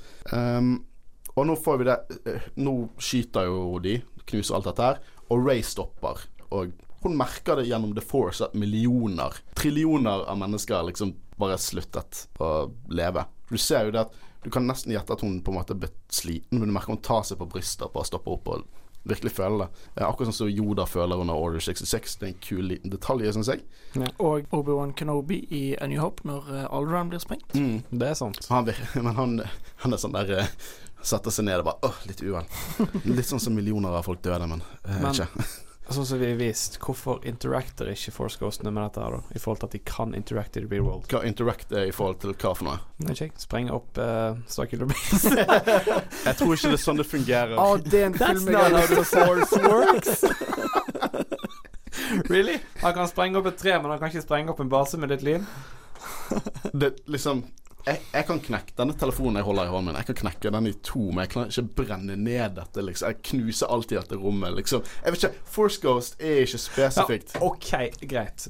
Han kan ikke knuse hele greiene, men kanskje han knuser kontrollrommet, da? Jeg, vi vet, jeg, har ikke, jeg har faktisk ikke motargumenter. Vet du hvorfor? Det er fordi vi vet veldig lite om Force Ghost. Force Ghost er fortsatt et ganske nytt konsept i dette universet. Ja, og så kom det en film som introduserte at Force Ghost eh, kunne, eller kan, liksom påvirke den virkelige verden. Uh, har du glemt at uh, Alec Guinness sitter på en stokk i episode seks?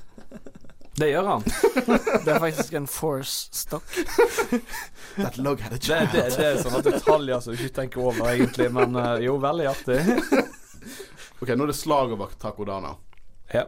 Uh, og vi ser en jævlig kul scene. Uh, og det er solnedgang med Tie Fighters. Silhuetten av Tie Fighters som kommer. Det er kjempekult. Kan du fjerne lyden i post over? Nei, vent litt. Var det Tie Fight, eller var det Chewbacca? Det var uh, og jeg, jeg syns det er greit Det også det at um, hun gir lightsaberen til Finn, og, de, og han Solo sier 'hvordan fikk du tak i den?' Og så liker jeg at hun sier 'det er et godt spørsmål til en annen tid'. For da kan vi få en bok om den historien senere. Nei, det er greit, vi trenger ikke å vite alt. Det kan fortsatt være litt mysterier rundt ting. Akkurat som Starkiller Base, akkurat sånn som uh, Palpatine Anakin. Vi trenger ikke å vite spesifikt om sier 'jo, for 23 år siden', så Nei, men enkelte ting må du få forklart i filmen for at det skal være en kontekst. ikke, Ja ja, selvfølgelig, men ikke hvordan hun fikk tak i lightsaberen. Nei, nei, det, jeg, det kan jeg fint få lese i en bok. Og jeg, jeg må si Kylo Ren han, han har igjen en nydelig entré. Skipet, musikken. Aha, Nydelig. Dødskult. Uh, og uh, Han Solo Først First Order angriper, og Han Solo og Finn og Chewie kommer seg opp av et vrak. Og der er den kuttete scenen. For egentlig så kom First Order-soldater ned dit og angrep eh, Mars og de, og så tok Mars og knuste på en måte gangen over de med The Force. Men den scenen ble kuttet. Men den er filmet. Det er uferdig, det er green screen og sånn, men den er filmet. Vet du hvorfor? Var, vet du årsaken til at de forandret på det? Nei, si det. Eh, liksom, det er mange kule scener de har fjernet, og noen ukule scener de har fjernet. Men Ja, det kan jo være at de ikke ville skape en helt lik Yoda-type karakter. Ja, og kanskje det ble litt mye. Ja, det kan være litt mye. Uh, Men hun er force sensitive. Hun har jo sagt det til Ray, og du merker det at hun She knows the force, hele pakken. ja, og så den scenen du snakker om nå, jeg liker veldig godt òg at uh, når hun gir fra seg lightsaberen til Finn, uh, så sier hun liksom at At det der er et våpen. Bruk det. ja. Jeg har, ikke en blad Jeg har ikke noe våpen. Og så når han kommer ut, liksom, så bare ser du Skjønner ingenting, og så bare trykker han bryteren, og så bare wow! Men jeg må bare si at når, eh, når, Finn, når Han Solo de dukker opp, og så bare hører du blasteren til Han Solo, og så bare skyter en stormtrooper ved siden av seg uten å se engang. Det er Jeg elsker det. Det er toppen av badass. Å, det er så badass. Uh, og han uh, Du ser jo han uh, igniter jo lightsaberen. Er en filmfeil. For når dere, har en light, når dere ser Luke sin lightsaber, så det er en stor rød knapp på lightsaberen. Det er ikke sånn man lighter opp den lightsaberen. Det er en switch, en blokk. Det der er, på proppen er det noen kalkulatorkretskort der. Det er den du slider for å eh, liksom ignite lightsaberen. De fleste tror at det er knappen, for det er den de ser først. Og den, det er en knapp, da trykker du på den lightsaberen kommer opp. Men de fleste tror det, og dette er en spesifikk feil som JJ Abrams og Finn gjorde. Eh, Boega, skuespilleren, gjorde. Og Pablo Hidalgo, altså lawmasteren til Lucasfilm, han har sagt det er en feil. Men har det på en måte en sånn dead man switch? Fordi Jeg tror det er en kill switch. Ja, fordi uh, når uh, Finn detter over ende, så ser du at uh, lightsaberen ja, ja, det er en kill switch mye der, men jeg vet bare spesifikt den røde knappen er ikke måten å skru på en lightsaber på. Og det gjør de feil veldig ofte. Det, det, I hvert fall to ganger de har gjort den feil at de har trykket på den knappen. De gjør også det i traileren til til Rise of Skywalker, der eh, Ray også trykker på den knappen. Jeg kan ikke, blame de for det. Du ser en lightsaber som en stor rød knapp. Hva gjør den røde knappen? Og så er ikke det her òg uh, Han tar over uh, Bow Blasteren til, uh, til Chewbacca og bare sier det. I like I like this. Det, de, de har jo på en måte sakte, men sikkert eh, understreket at den bowcasteren er latterlig kraftig. Han dreper sånn jævlig mange stormtroopers med én blasterbolt. De bare flyger vekk. uh, og jeg, jeg elsker denne scenen som kommer opp der, for Finn har jo begynt å kutte ned stormtroopers med lightsaberen. Eller i hvert fall én stormtrooper. Og så kommer den kuleste gjelder stormtrooperen. Trader! Ja, traitor! Kaster fra seg blasteren, og så tar han opp en sånn riot control-batong som han svinger med, og et skjold. Og han bare banker opp Finn.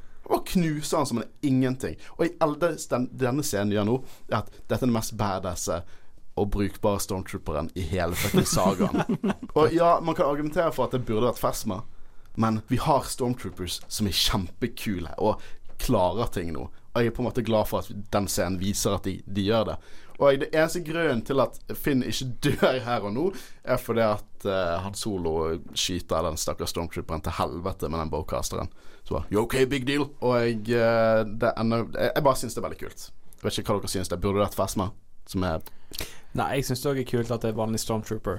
Kanskje han er litt mer elite stormtrooper, siden han har den der eh, Hva skal du kalle den hånden hans? Uh, riot han er, De kaller, kaller de riot control troopers, basically. Ja, de ser, de ser jo litt stiligere ut òg. Kult at det er liksom forskjeller på forskjellige stormtroopers òg.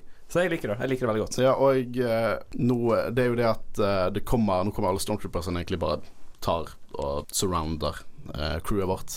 Og så får vi høre en ny, kul musikk Mhm. som heter eh, The Resistance Theme, basically. Og så, eh, Her står det i capslock-notatene mine 'The Resistance Strikes Back'. Og så får du bare se masse skip, eh, X-Wing, som flyr nært vannet. Jeg kan ikke stoppe opp faktisk heie litt på Resistance her. Det er så nydelig musikk, og så kommer de for å hjelpe liksom heltene våre. For tidligere i filmen så har jo på en måte eh, personer i Mars Kanata sitt palass og eh, en har fortalt at The First Order at eh, han og de er, og en har fortalt Resistance at at Resistance-folkene er. Så på en måte begge har vært spioner for begge sider i Mars sitt palass. Det er ganske cheesy, syns jeg, dette her.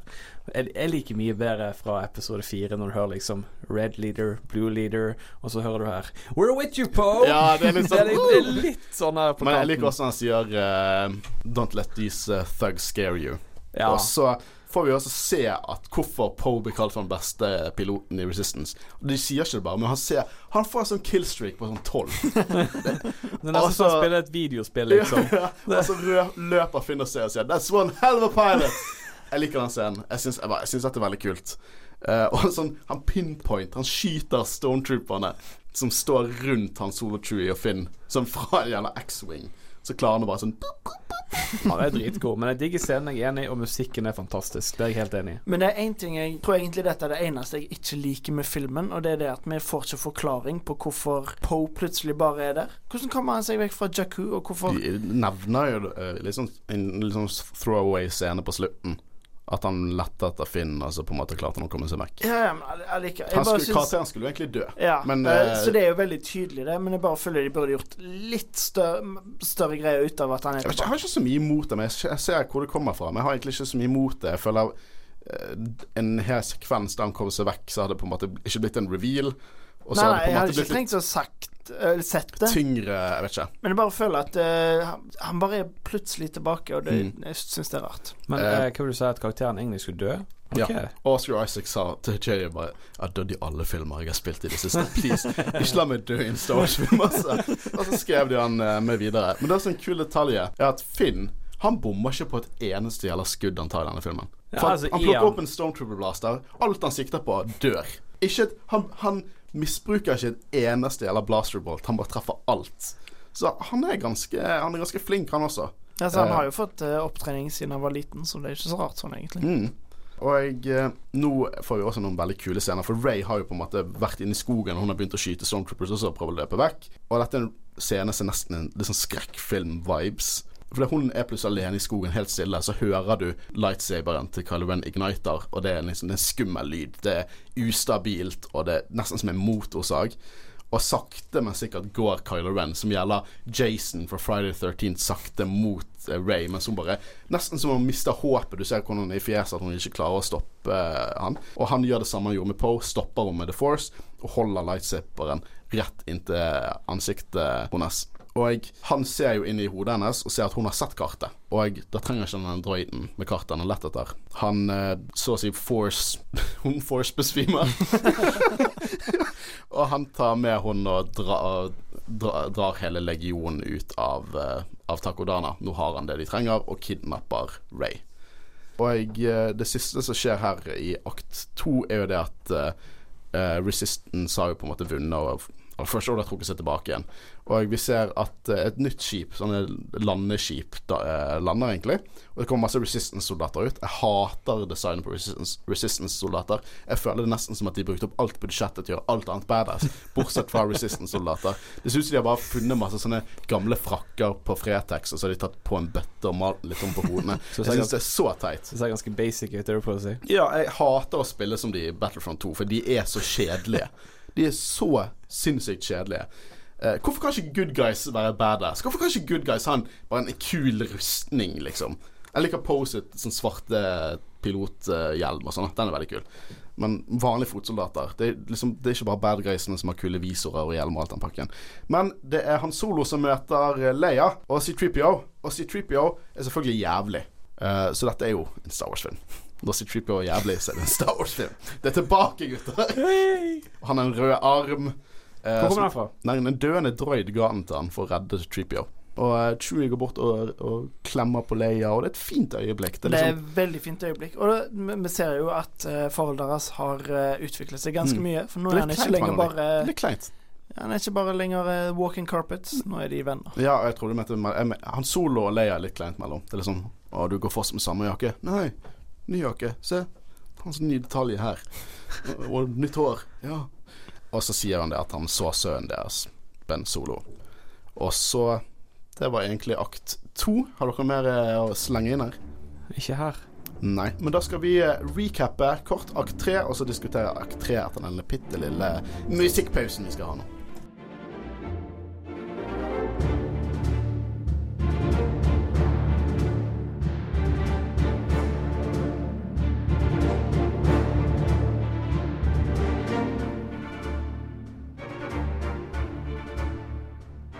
Vi skal ta en kort recap av akt tre før vi begynner å diskutere det videre. Over til deg, Håvard.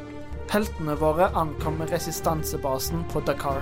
På Starkiller Base prøver Kylo Ren å hente ut informasjon fra Ray ved hjelp av kraften, men hun klarer å motstå. Dette gjør Snoke sint, men også interessert i Ray og vil at Kylo skal ta henne med til han. Men det går ikke, for Ray lærer fort å bruke Jedi mind tricks for å rømme. Ved hjelp av Finns tidligere tilgang til Starkiller Base legger resistansen en plan for å ødelegge supervåpenet, og de får det travelt. The First Order har funnet posisjonen deres og har allerede begynt å lade våpenet, og deres system er neste mål. Han, Chewie og Finn lander på Starkiller Base og overtaler Phasma til å fjerne skjoldet, slik at resistansepilotene kan begynne angrepet. De møter Ray, og sammen drar de for å ødelegge basen. Han Solo konfronterer Kylo Ren og blir til slutt drept. Ray og Finn rømmer, men de blir raskt funnet av Kylo. Kylo og Ray har en lightsaber-duell som blir avbrutt av at planeten ødelegges, og de klarer å komme seg unna. R2D2 våkner plutselig opp, og de har endelig det fulle kartet. Ved hjelp av dette kartet reiser Ray og Chewie for å finne Luke, og filmen slutter med at de endelig møtes.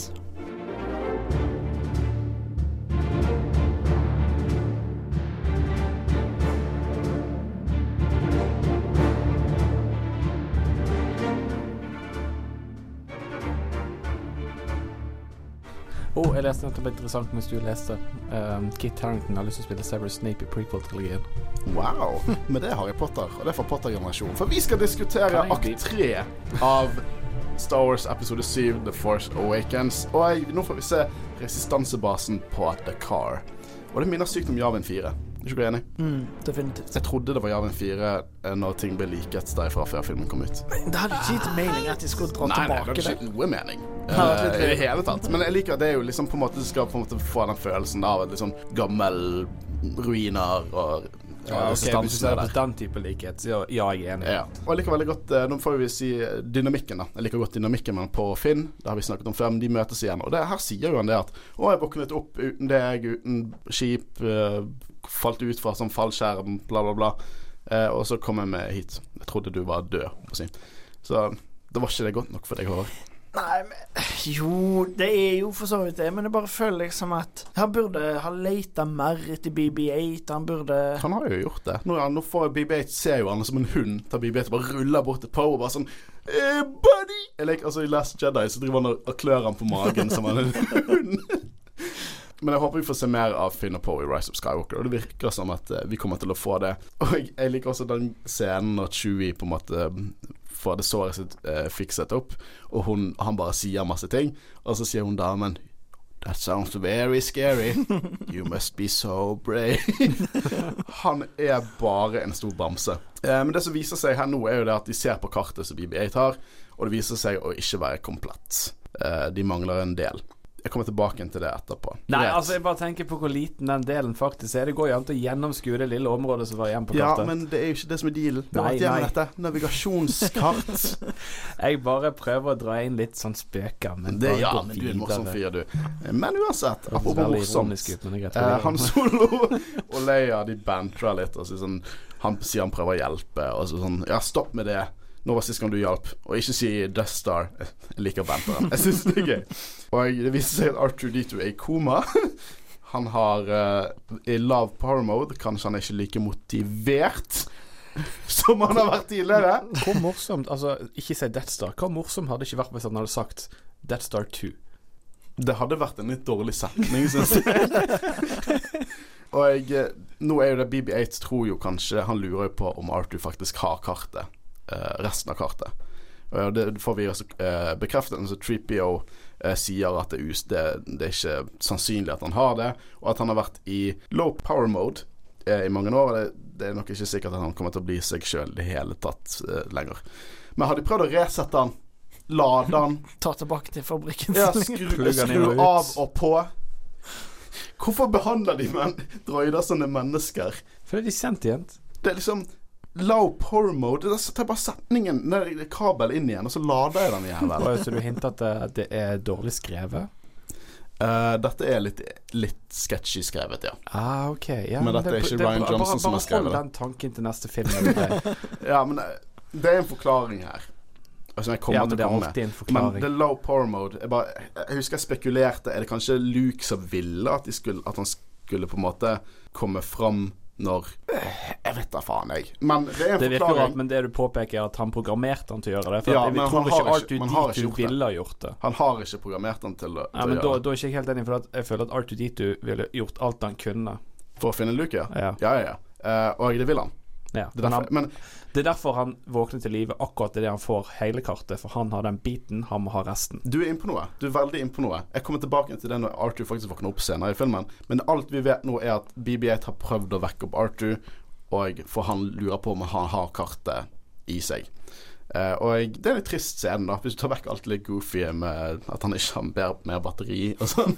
Så det er en litt trist scene. Arthur liksom ligger støvet borti hjørnet, og Arthur har ikke vært med, med i filmen før nå. Litt sånn eh, Litt trist eh, øyeblikk.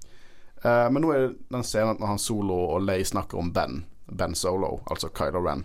Og de håndterte at Ben gikk over til the dark side på sine måter. Han Solo gikk tilbake til å bli smugler, sånne gamle greier, og Leia fokuserte mer på å lede resistansen og liksom være politisk. Og han Solo han har godtatt at Ben er tapt til the dark side. Han bare Sønnen min eksisterer ikke lenger, han har gått opp til the dark side.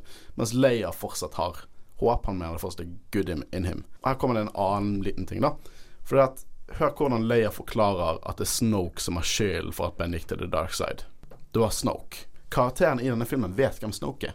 De bygger nesten ikke opp noe mysterium. Bare hvorfor han gikk til the dark side. Noe sånt. De vet det var Snoke. Snoke er bad guy, en leder av First Order. Snoke gjorde ham til the dark side.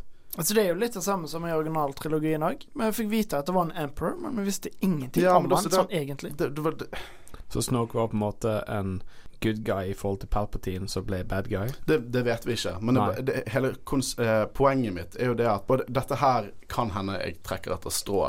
Men i Last Jedi så viser det seg at Snoke ikke har Han dør jo, og folk likte ikke det så godt. Men det er ikke så mye mysterier rundt han som jeg føler det burde være. For det kan godt hende at planen deres var at Snoke skulle overleve. Det tviler ikke på. Ryan Johnson fant ut at han ville kutte det short. Det var et større sjokk for meg enn det faktum at uh, Ben Solo var sønnen til Ja, det var et stort sjokk for meg. Det var Eller det var et kult sjokk for meg. Ja. Jeg vet at det er mange som ikke liker det. Men karakterene i filmen vet hvem Snoke er. Det er bare vi som publikum ikke, som ikke vet det. Så derfor føler jeg at det kind of funker. For de bygger, karakterene bygger ikke opp et stort mysterium rundt den. Jeg, Helvete, Håkon. Faen ta deg. Two for two. uh, så ja, Leia er klar over at Snoke er en force sensitive darkside-bruker som har korrupert Ben Solo. Du har igjen ødelagt alt jeg skulle for, uh, forsvare med på dette her. Men uh, jeg også liker at han Solo har på en måte ikke tro på seg sjøl som far. Han sier at hvis Luke ikke kunne hjelpe han, hvordan kan jeg? Og jeg liker alt dette her når Leia sier 'Luke er en Jedi, du er faren hans'. Jeg bare, jeg syns det er skikkelig mektig, mektige setninger. Det er på en måte Dette er Han Solo sin film. Veldig mange måter dette er Han Solo sin film. Bare far og sønn. Eh, hvordan på en måte være en vanlig person i dette universet der alle kan sveve ting og mindtricke. Jeg liker veldig godt den scenen som kommer seinere, som vi skal snakke om. Når de Mm. møtes på den broen. Det er veldig Ja. emosjonelt. Fy søren. Og vi kommer tilbake nå til Starkiller Base, der uh, vi har noen scener med Ray og Kylo Ren. Og det er første gang Kylo Ren faktisk fjerner hjelmen sin. Og slipper han ned på et sånt stativ masse aske. Aske for folk som har dødd i det rommet. Litt mørkt. Uh, og da sier jo han det at kartet er navigasjonschart, og jeg på en måte prøver å gå inn i hun, Ray vil ikke si noe, hun begynner bare å si masse spesifikasjoner av hva BB8 er. Så også viser det at hun kan droider. Hun begynner med masse sånne eh, skjermgreier og masse hardware egentlig som jeg skal spesifisere hvilke grafikkort jeg har. Uh, men nå snakker med Ray eh, om BB8, og Kylo sier at han har dette kartet, og at han, hun skal gi det hun har, og begynne å gå inn i hodet hennes. Han, sier han, han ser en øy, og snakker om at på en måte hennes liv er så hardt, og hver dag spiser hun som den siste dag, og desperat etter søvn. ser, han ser en øy. Det er klart den øyen som vi Luke eh, er på nå, akt to, som vi kommer til å se senere. Ikke akt to, men øyen akt to. og så liker jeg hvordan han snakker om Han Solo. At han på en måte Ja, du ser på Han Solo som en far. Han ville skuffet deg. Og det er nydelig skuespill fra Adam Driver. Og jeg, jeg syns Kylo Ren er en så fascinerende karakter. Og jeg vet at når filmen kom ut, så var folk litt skuffet over at han ikke beholdt masken, for det var så badass og sånn. Men at han tar av seg masken, og han er en kid Eller han er eldre enn oss, men han er en kid. og jeg har flere nivåer. Han han på en måte har egne konflikter og rett og slett en dyp skurk. Han, han er en fascinerende antagonist. Eh, noe vi ikke har sett så mye i Star Wars ennå. For vi har sett eh, protagonister med konflikt, og vi har på en måte sett Darth Vader som er skummel og sånn. Men her har vi en, en, en, en skurk som, i hvert fall i Last Jedi-scenen, at vi kan ha litt, eh, eh, litt sånn empati med, da. Jeg vet ikke hva dere synes om det. Hva synes dere om Kylo Ren som skurk? Hvordan han er skrevet, og hvordan han framfører viser seg, egentlig? Jeg har likt han hele tida. Jeg føler han er på en måte så realistisk skrevet. Han er ikke svart og hvit. Han er, han er i, i gråsoner. Han, han vet ikke sjøl hva han vil. Og, eller han, han vet hva han vil, men han får det ikke til, liksom. Mm. Og Adam Driver, han spiller nydelig i denne filmen. faen, han er flink. Alt det Håvard sa. Ja. uh, og jeg er veldig glad for at han fjerner hjelmen. Uh, jeg elsker hjelmen og sånn, men ikke lag en ny Darth Maul. Darth Maul ble en veldig dyp karakter i videre canon, men i Phantom Menace så var han bare en badass dude som sto der og sloss. Jeg vil ikke ha det i Kylo Ren. Vi har sett det før.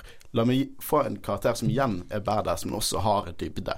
Er det det vi har? Vi lever i en tid der gode skurker liksom regjerer. Vi har Thanos i Marvel, vi har eh, en egen film om Joker. At vi får skurker som på en måte du har Du føler mer med. Det er min jam, og jeg digger det med Kylo Ren.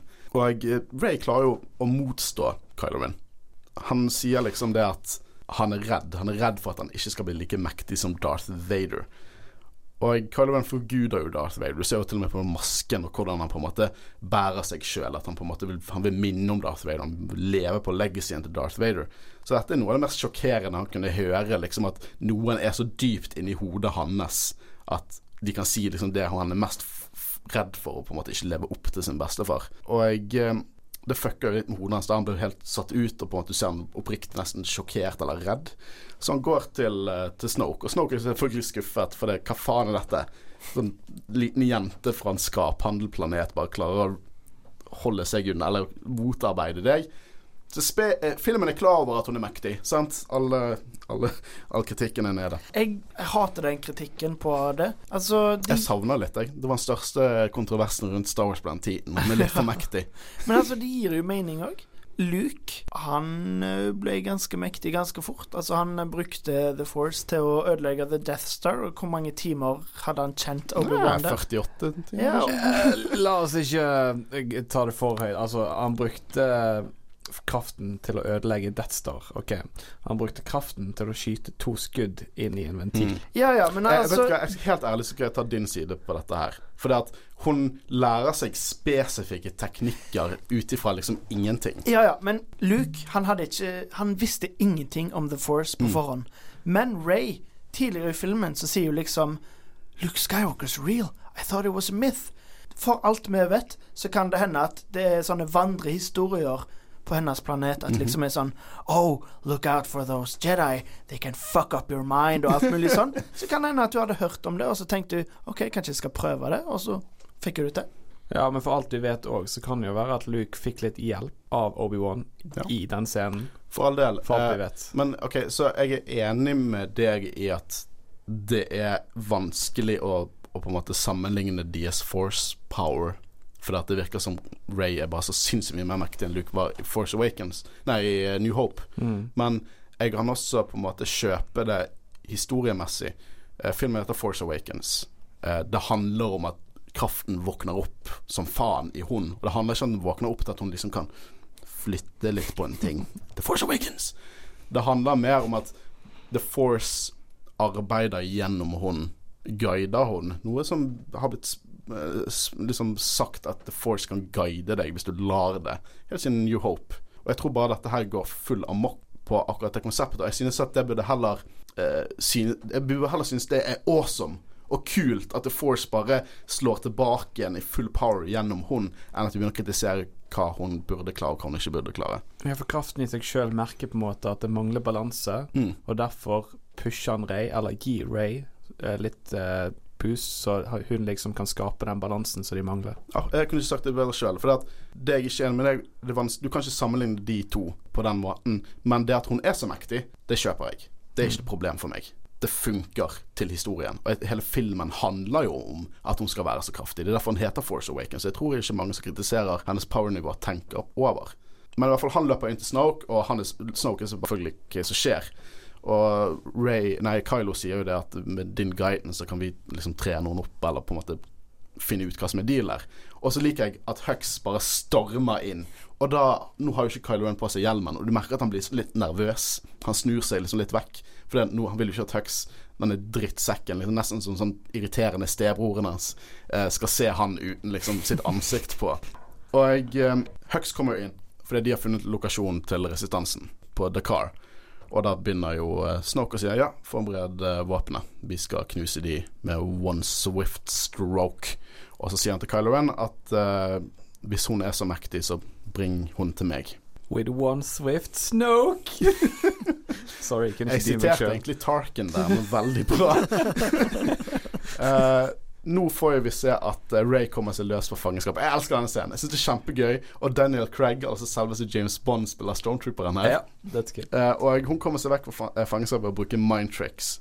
Og jeg, jeg synes det er kjempemorsomt hvordan hun sier sånn You will uh, leave this room with the, uh, with the door open. Eller release these restraints and leave this room with the, with the door open.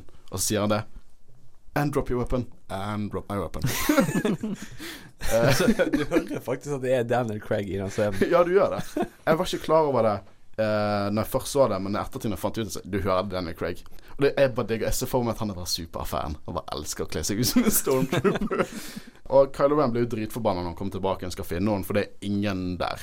Så han bare går amok og begynner å knuse rommet og rope etter vakter. Så det står to stormtroopers som kommer, og så får de se at han klikker vinkel, så de bare snur seg og går. Humoren. Jeg tror dette er den beste Star Wars-filmen i forhold til humor. Sånn Comic relief i denne filmen er bare on fucking point, syns jeg. Ja. Eh, det er kjempekult. Og Stormtroopers er fortsatt badass, men de bare, det er kjempemorsomt. Og nå får vi et møte Vi får se det at Starkiller Base lader, lader seg opp nær av en nærliggende sol. For det er sånn Starkiller Base funker. Den lader seg opp med å sluke en sol, så å si. Og så skyte energien fra solen på planeter. Som er litt, eh, litt uh, originalt, syns jeg.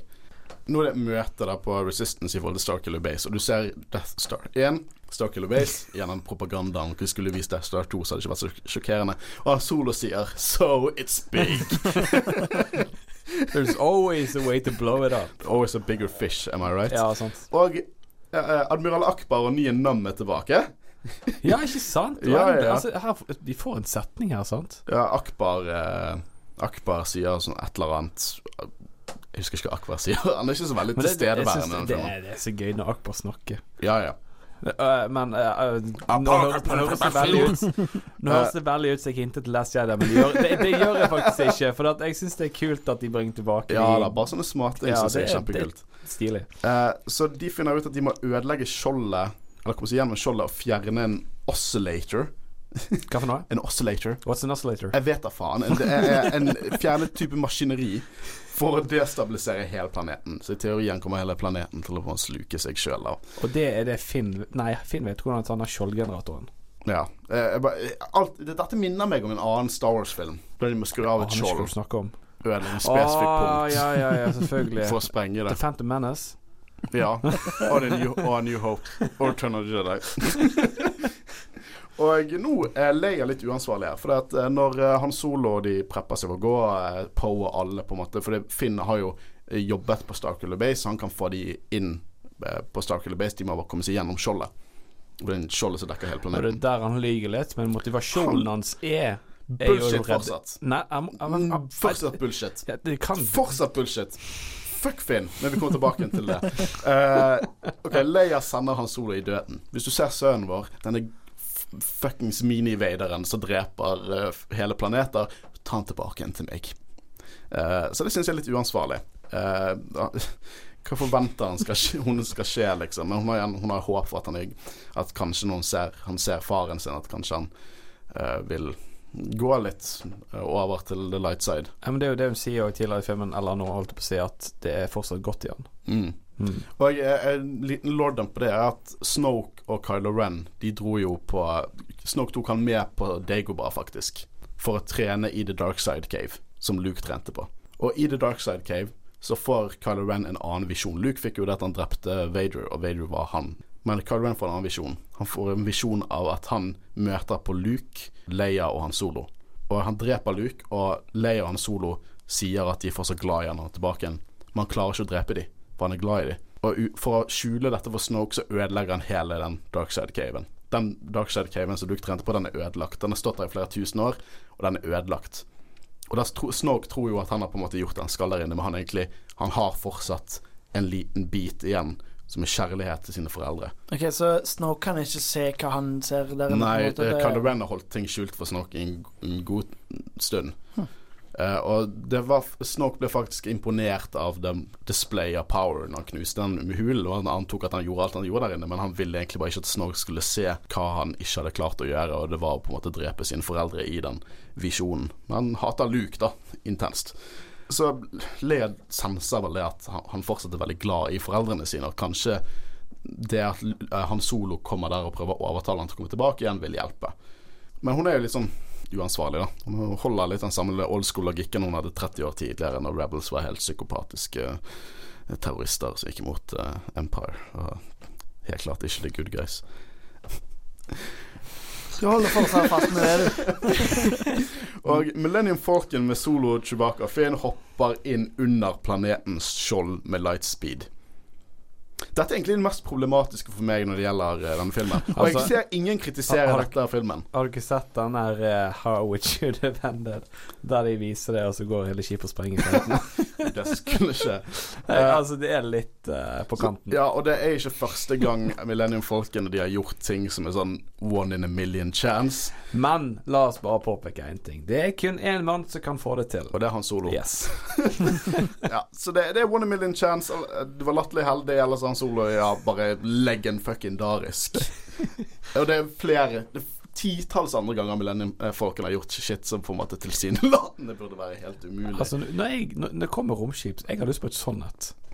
Millennium Falcon? Ja. Selvfølgelig er jeg bare det også. Det er det kuleste. Det gjelder liksom Altså, jeg vil ikke ha Jeg vil ha en Imperial, Enterprise jeg vil ha en Imperial Class Star Destroyer, men det er litt mye arbeid for bare meg. Ok, Men nå viser det seg at eh, Finn er en drittsekk som ofrer hele fuckings galaksen siden han har crush på en jente han har blitt kjent med en liten uke siden. Han har jo ikke peiling. Han var sanitation. Han vet ikke hvordan han skrur av skjoldet eller noe som helst. Han var sanitation, han var vaktmester, og han drar dit for å redde den ene jenten han, var litt, han har en liten crush på. Ja, men vi bruker kraften. Det er ikke sånn kraften funker, Christian. Og du er kald? Jeg tror det er nok sagt. Og de, eh, og de finner jo ut at, eh, at eh, de, de prøver å gjøre det beste ut av det og komme seg inn, da. Og jeg, jeg syns så synd på den stakkars stormtrooperen. Så de åpner døren til, han bare hei! og så skyter jeg med bowcasteren. Og han tar sånn dobbel salto bak og bare knuser rustningen sin og faller. Og vi får høre også klassisk stormtrooper-dialog. Have you checked out the T-17s?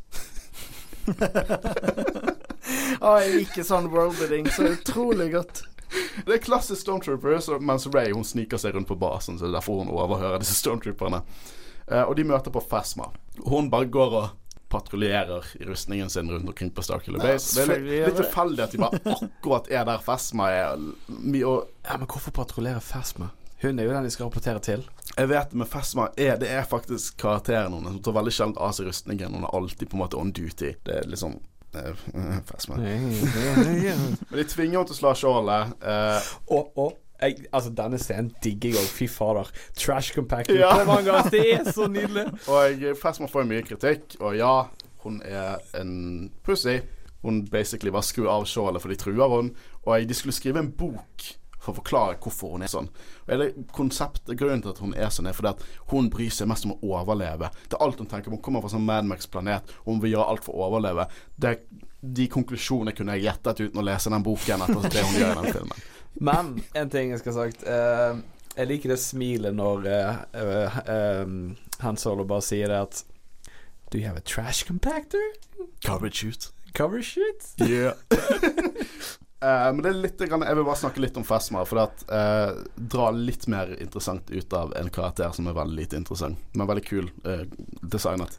Men hun kommer fra den, Jeg har sagt at hun kommer litt fra sånn Mad Max-ish planet med overlevelse. Det er sånn postapokalyptisk. Det er til og med sånn stort fabrikk der som har korrupert hele planeten og sånne ting. Og den navnet på den planeten er Parnassos. Og det er fullt av stammer der som prøver å overleve, og alle går med sånne rustninger og masker, og en del av på en måte kulturen deres. Og faren til eh, General Hux, altså Brendel Hux, fant Fesma på den planeten, hvor hun hjalp han eh, slippe unna sableplaneten. Og det hun gjorde da, for de ankom den planeten i et av flaggskipene til, eh, til Palpatine. Altså, Husker du hva de Naboo-skipene med sånn chrome-speil? Det er det den rustningen er laget av. For hun har bygget den rustningen sjøl. Hun gikk tilbake til Parnassos, fant skipet og bygde en First Order-rustning ut av eh, metallet på det skipet.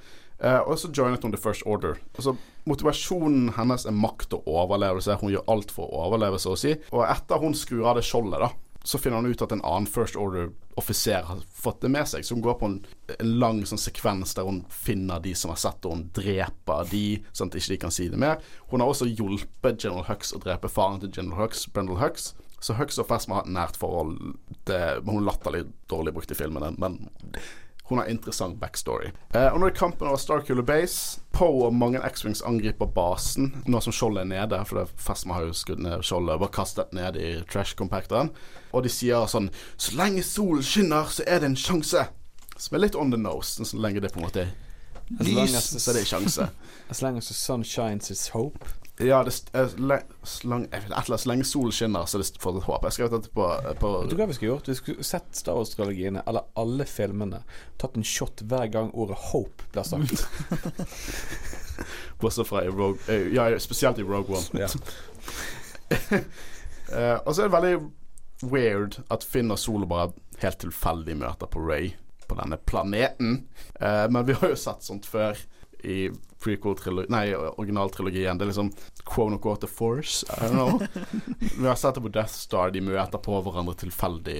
Eh, det er litt som Det er større sjanse på å random møte en kjent eh, nordmann i New York enn å møte være i liksom samme omkrets som en person du kjenner på Starkiller Base. Men greit. Jeg liker også at uh, Chewie her, for tidligere så sa de det at Chewbacca, eh, Chewbacca sang 'frøs'. Og han solo sier 'Oh really, you're cold'?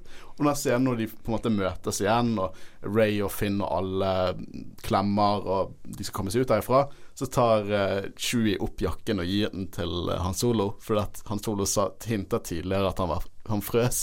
Så Chewie bare 'Husk å ta på deg jakken'. Bitte liten diskré, morsom scene. Jeg digger humoren i denne filmen. Og fighter-kampen, uh, som på en måte er den Det er basically en ny trakt, trench run, basically. Eh, liksom, den er kul, men kanskje litt busy. Det er litt mye shit og effekter som skjer. Det er sånn Jeg er mer fascinert over hva som skjer på bakken, for å være helt ærlig, enn det jeg ser på en måte som skjer rundt Starkiller Base med Poe og de som skyter inn og, og sånne ting. Jeg er helt enig, og det er på en måte et godt eksempel på at less is more av det. At Ja. trenger ikke Det ser ikke dårlig ut. Nei, Det nei, bare- det ser kjempebra ut, men det er bare litt mye. Det er litt Jeg er helt enig. Og Han og Chewie de planlegger å sprenge et hull i oscillatoren. eh, slik at eh, jobben for X-Wingsene skal bli enklere, da. Så nå er jo det denne scenen som du snakket om. For de løper inn og begynner å plassere disse bombene, og så han eh, Kylo og, og First Order prøver å finne Ray. Han er redd for at jo lenger Ray er unna, så begynner han å teste kreftene sine, blir mer og mer mektig. Så de leter jo fortsatt etter Ray. Og han har jo senset at Han Solo er på basen. Det snakket vi ikke om. Han sier jo Han Solo. Litt sånn som uh, Vader senser Obi-Wan i New Hope. Minner meg vel om den scenen. Men Han Solo ser jo at Kylo er Ben. Og det har jeg ikke snakket om, han heter jo Ben. Så da Kylo går ut på en sånn stor rampe uten rekkverk, et bro uten rekkverk, så roper Han Solo 'Ben!' Han heter Ben Solo. Helt klart oppkalt etter Obi-Wan Kenobi, som er kjempekult. Jeg digger at han heter Ben Solo. Det gir så mye til universet, syns jeg, og den familien. Selvfølgelig oppkalte de etter eh, Obi-Wan. Kjempekult. Og så må vi snakke litt om den broen, da. Hvor mange fulle Stormtroopers tror dere har falt av den broen? Hadde det vært så problematisk å ha et par rekkverk der oppe? Jeg synes Kylo Ren, jeg vedder på at Kylo Ren gikk der og tenker han er kjempekul, og så er han litt sånn nervøs. og Sånn, Men altså, det er jo fullt av uh, manglende rekkverk i hele Star Wars-universet, så det er Det er liksom sant. Det er faktisk et, en, et virkemiddel. Men jeg liker også denne scenen, for nå står de på broen og snakker, og så zoomer vi ut, og så ser vi at lyset fra solen som fortsatt blir ladet opp, skinner ned på bare de to. Det er veldig, veldig kul scene. Hvis du ser på concept arten, så ser det helt identisk ut. De har klart å få konseptkunsten til å være helt identisk med filmen. Og det, det symboliserer mye at det fortsatt er lys, det er fortsatt sjanse. Og jeg, nå liker jeg at Kylo Ren prøver å spille litt Darth Vader. Han, han, han sier liksom sånn der eh, Å, jeg, ødela Ben Solo. Han var dum og, og teit som faren sin. og jeg eh, Solo sier 'fjern den hjelmen', og hva tror du vi ser? Og min sønn. Det er veldig mye fint frem tilbake. Og jeg, Sol skinner jo fortsatt, men gradvis blir mørkere og mørkere.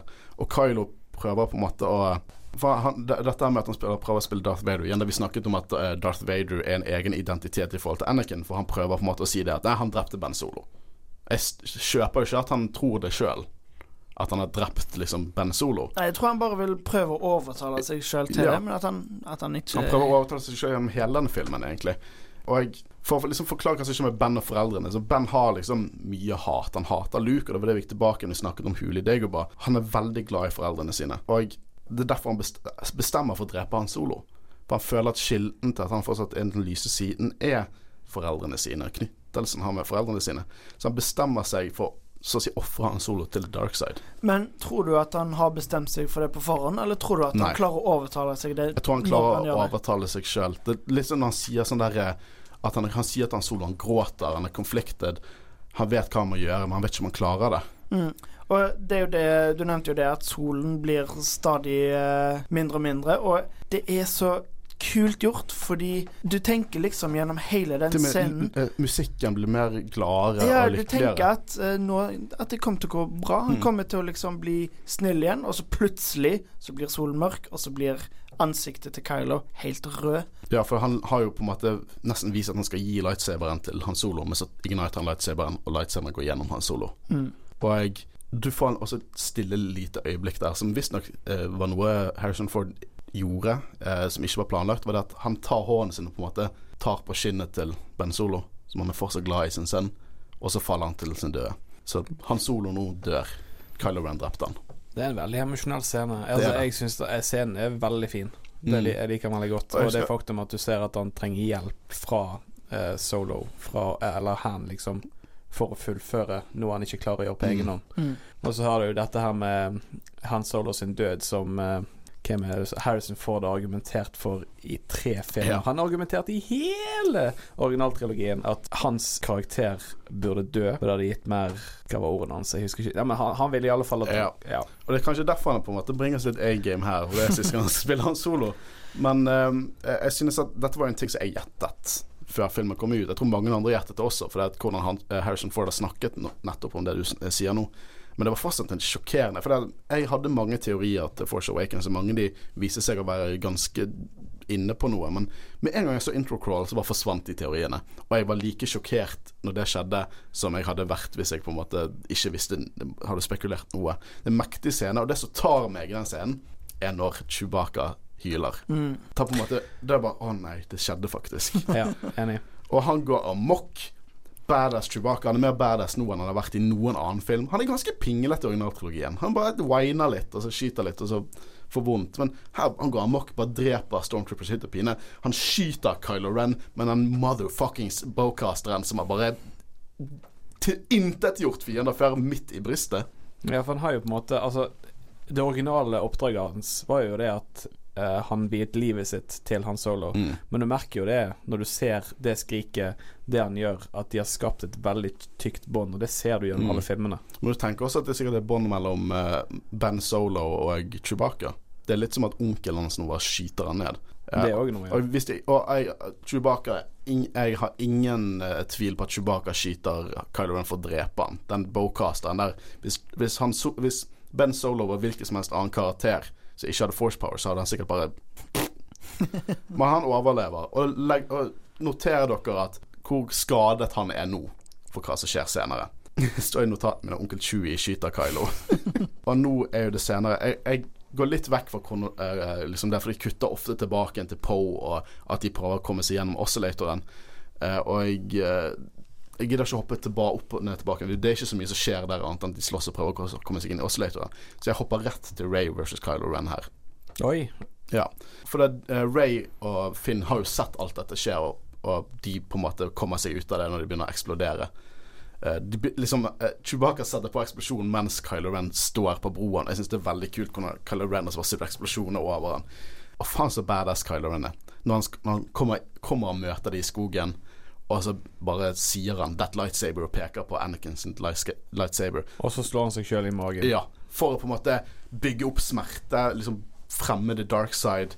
Og det er så kult. Og selvfølgelig vil Kylo Ren ha eh, lightsaberen som tilhørte Anakin. Han er jo en Vader-fanboy. Han vil ha alle collectibles som har med Vader å gjøre. Og han er, sin, han er Vader sin legacy i sine øyne, så selvfølgelig er Vader sin tidligere lightsaber tilhører selvfølgelig Vader sin legacy. Og husk at Kylo Ren er jo latterlig skadet, og han er cocky. Og han leker med Finn, for han force-pusher Ray og slår hun ut, og så tar Finn og bare sier 'come and get it' etter han vil ha lightsaberen. Han igniter lightsaberen, og så begynner Kylo Ren og Finn å slåss. Og du merker at For at han får litt kritikk. Hvordan klarer Finn å få inn et slag? Fordi at Darkside-folk er cocky. Luke klarer å få inn et slag på, på Darth Vader i episode 5 fordi Vader leker med han.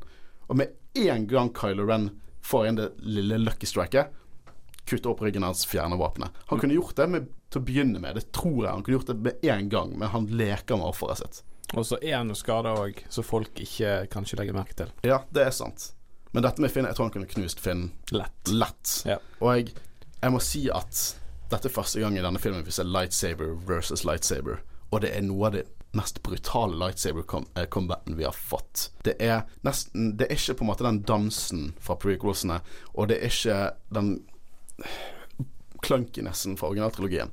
Det føles så brutalt og ekte og følelsesladet, og jeg Dette er min favoritt teknisk, sånn hvordan det ser ut og føles lightsaber-duell. Ikke følelsesmessig og plottmessig, men dette er min favoritt sånn det ser ut visuelt og føles av lightsaber-dueller. Spesielt når han senere nå slåss mot Ray. For Ray eh, Kylo Ren prøver å eh, trekke opp lightsaberen som har fløyet bort i, i snøen, og du ser at han har litt problemer, og så flyr han forbi Kylo Ren, og det er Ray som står og holder lightsaberen, og du hører musikken, og det er et Star Wars-øyeblikk. Det var et så fett øyeblikk å se på kino første gang. Jeg får frysninger av å snakke om det. Ja, Ja, helt enig. Nydelig. Uh, her skal jeg hive inn et argument, Håkon. Mm -hmm. uh, dette er ikke fra filmen, men dette er fra en bok. Ja. Ja, eh, der det står i den boken en dialogsetning som kommer fra Kylo, der han sier 'It is you'. Er det noe du kjenner til? Eh, snakker han om adaptasjonen til, eh, til eh, filmen nå? Ja. Ja. For eh, problemet med adaptasjonene til filmene er i bokadaptasjonen, da. I den samme boken så sier også Snoke i hodet til, til, til Ray at hun skal drepe Kylo og sånn. Men problemet er at de skriver med kunstnerisk frihet det de vet. For de som skriver disse adaptasjonene, vet nødvendigvis ikke hva som skjer i episode åtte eller ni. Så Pablo Hidalgo har sagt at adaptasjonene til bøkene, nei, til filmene, er canon. Det som er det, er canon hvis ikke filmen sier noe annet, eller fremtidig canon-materiale motarbeider det. Jeg tenkte kanskje at det kunne være en eh, klippet eh, setning. Det kan godt hende det kan godt hende det var andre planer der, men hvis det er noe i en Det, det er vanskelig å bruke adaptasjonene som canon-forklaringer på ting, for det, det, det svever i halvveis canon, og det er ikke permanent canon heller. Nei. Du skjønner hva jeg mener? Nei, jeg er med på deg. Mm. Ja, skjønner. Men nå begynner de å slåss, og du ser også det at eh, den staven som eh, Ray har brukt, kommer litt Den takler liksom et, eh, et, et, et nærkampsvåpen, da. Men du ser også hun bruker litt Hun, hun stikker litt. Mens Kylo Ren har på en måte sånne vide, svære, kraftige slag, så prøver hun å på en måte poke litt. Det er sånn som hun kanskje ville gjort med en stav. Jeg føler det er litt sånn visual storytelling. Da, at hun helt klart prøver å adaptere de, de skillsene hun har, over til en lightsaber. Det er så rart med den skillsen i eh, For det er vel hun som har den i Battlefront 2.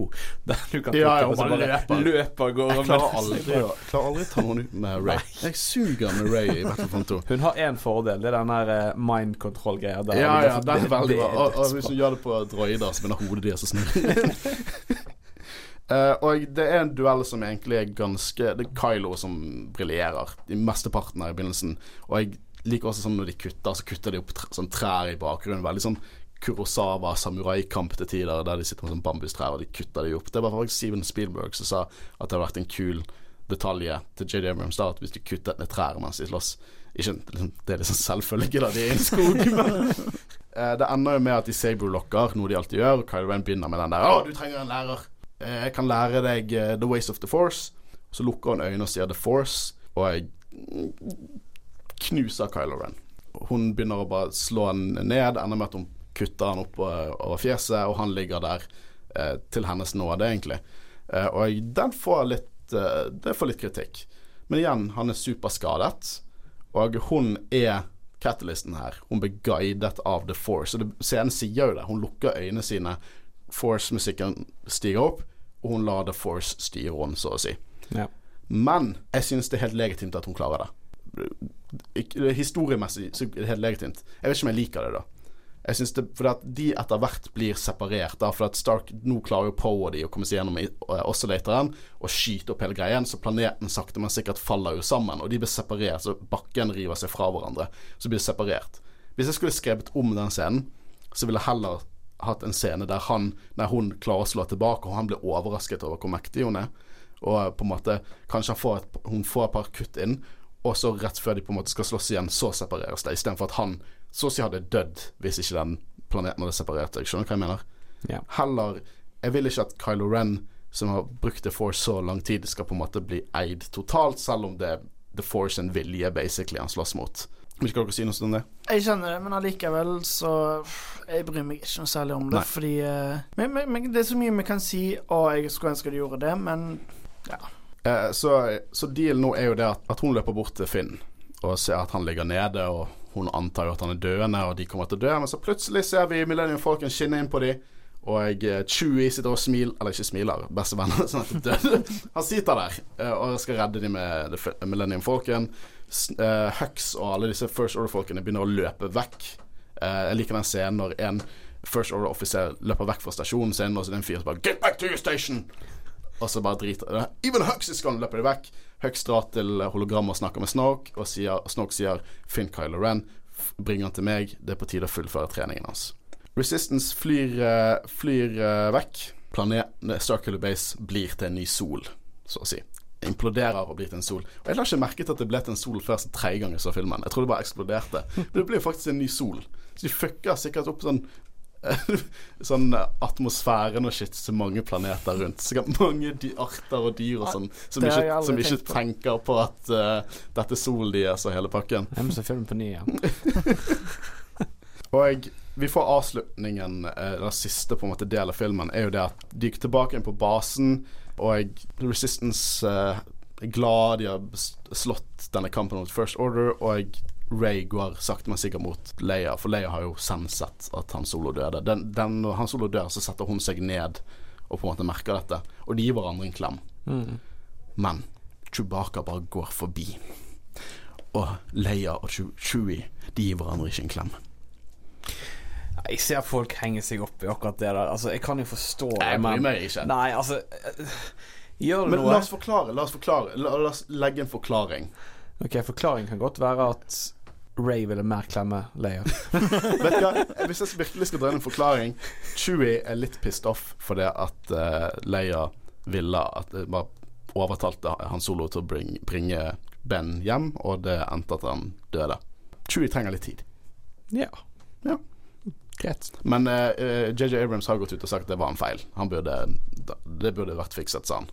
Han har innrømmet at det var en feil. Han eh, tenkte ikke over det. Ja, men det bare gjør det. George Lucas skifter jo på filmen hele tiden. Så det, er sånn dårlig CGI. At han, bare, han løper bort, liksom sånn når Han Solo bytter på hodet sitt når han eh, Han løper fort bort, og så klemmer, og så løper videre, og så står Ray og De viser at Finn, Finn overlevde, da, men han er så å si koma. Og nå tar R2D2 og våkner opp. Og han våkner opp nå. Jeg må bare si dette før du kommer til. Han har våkna opp nå, og det, det kan være litt teit, det er litt teit, men han har nå prosessert infoen som BB8 ga han tidligere i filmen. Eh, og det er klart en liten time jump til de lander og til R2D2 dukker- eh, våkner opp. Så han våkner ikke opp med en gang de har landet. Vi ser liksom at eh, Chewie sitter og lei seg, og folk på en måte Det har gått en bitte liten time jump, og så våkner R2D2 opp, og det viser seg at han har lastet ned dataen fra som han fikk i Death Star, faktisk, episode fire. Det er der han fikk den dataen. Og det er fullstendig nav navigasjonskartet til den første Jedi-tempelet. han brukte så lang tid på det. Nei, eh, det Han brukte så lang tid for å våkne opp etter han hørte BB-8 s- s- eh, spørre om kartet. Ja. Så hele dealen at han var i low power mode, han har prosessert Han prosesserte saktere. ja, og så Eh. må det påpekes det at uh, dette er første Star Wars-filmen uten Kenny Baker som spiller R2D2. Mm. Det er vel bare radiostyrt nå, antar jeg. Ja, radiostyrt. Men uh, så ok, så det, det er canon-forklaringen, da. At han brukte så lang tid på å prosessere det. Det har gått en time jump, det er ikke et sekund de lander, men han har brukt litt tid på å prosessere det, og så har han på en måte kommer han med informasjon nå. Men eneste forklaringen her er jo som trengs, er jo det at JJ Abrams sier at denne filmen avsluttes trist. Han Solo har dødd, eh, Finn er eh, alvorlig skadet, og dette er på en måte en plot device, på en måte ha en positiv ting som kommer opp. Uh, så det er forklaringen der. Uh, hat eller elsk sånn, Jeg syns ikke det er veldig bra skrevet, akkurat det med R2D2, men det har ikke noe imot det heller. Det, det, det flytter plottet fremover helt greit. Ja. Eh, så de sender, de sender jo Ray til å finne Luke da når de har hele kartet. Og det antar at de gjør siden hun er force sensitive, og de, de på en måte, det har vist seg at hun er det. Så hvem er vel bedre enn Ray til å finne Luke? Eller egentlig burde det vært Leia, men Leia kan vel ikke forsvar, eh, for, forlate sin ansvar. Så de sender Ray. Det er sånn jeg forklarer. ja, de kunne jo bare latt Holder styre. Ja. Vi skal ta en Canto Bite ut av det senere. Oi! Så Ray, BB8, R2D2 og Chewie De drar for å finne det første de er i tempelet, og finne Luke. Eh, de lander på Akt 2, eh, som er på en måte eh, disse er det, er det øyene utenfor Skottland? Irland? Nei, det er øyene utenfor Irland. Ja. Jeg tror de heter Skelling Island Ja, ja, noe sånt. Veldig nydelig location. Perfekt valg, syns jeg. Ja, ja. Og, og vi ser at de lander. Hun går alene opp mot uh, I disse trappene. Så det er en musikk som heter Jedi Steps. Jeg syns er veldig kul. Mark Hamill var ikke happy for å gå opp de trappene. det kan jeg tenke meg. Hun går opp, hun ser på en måte gamle strukt, eh, liksom strukturer og hint til at det er noen som bor her.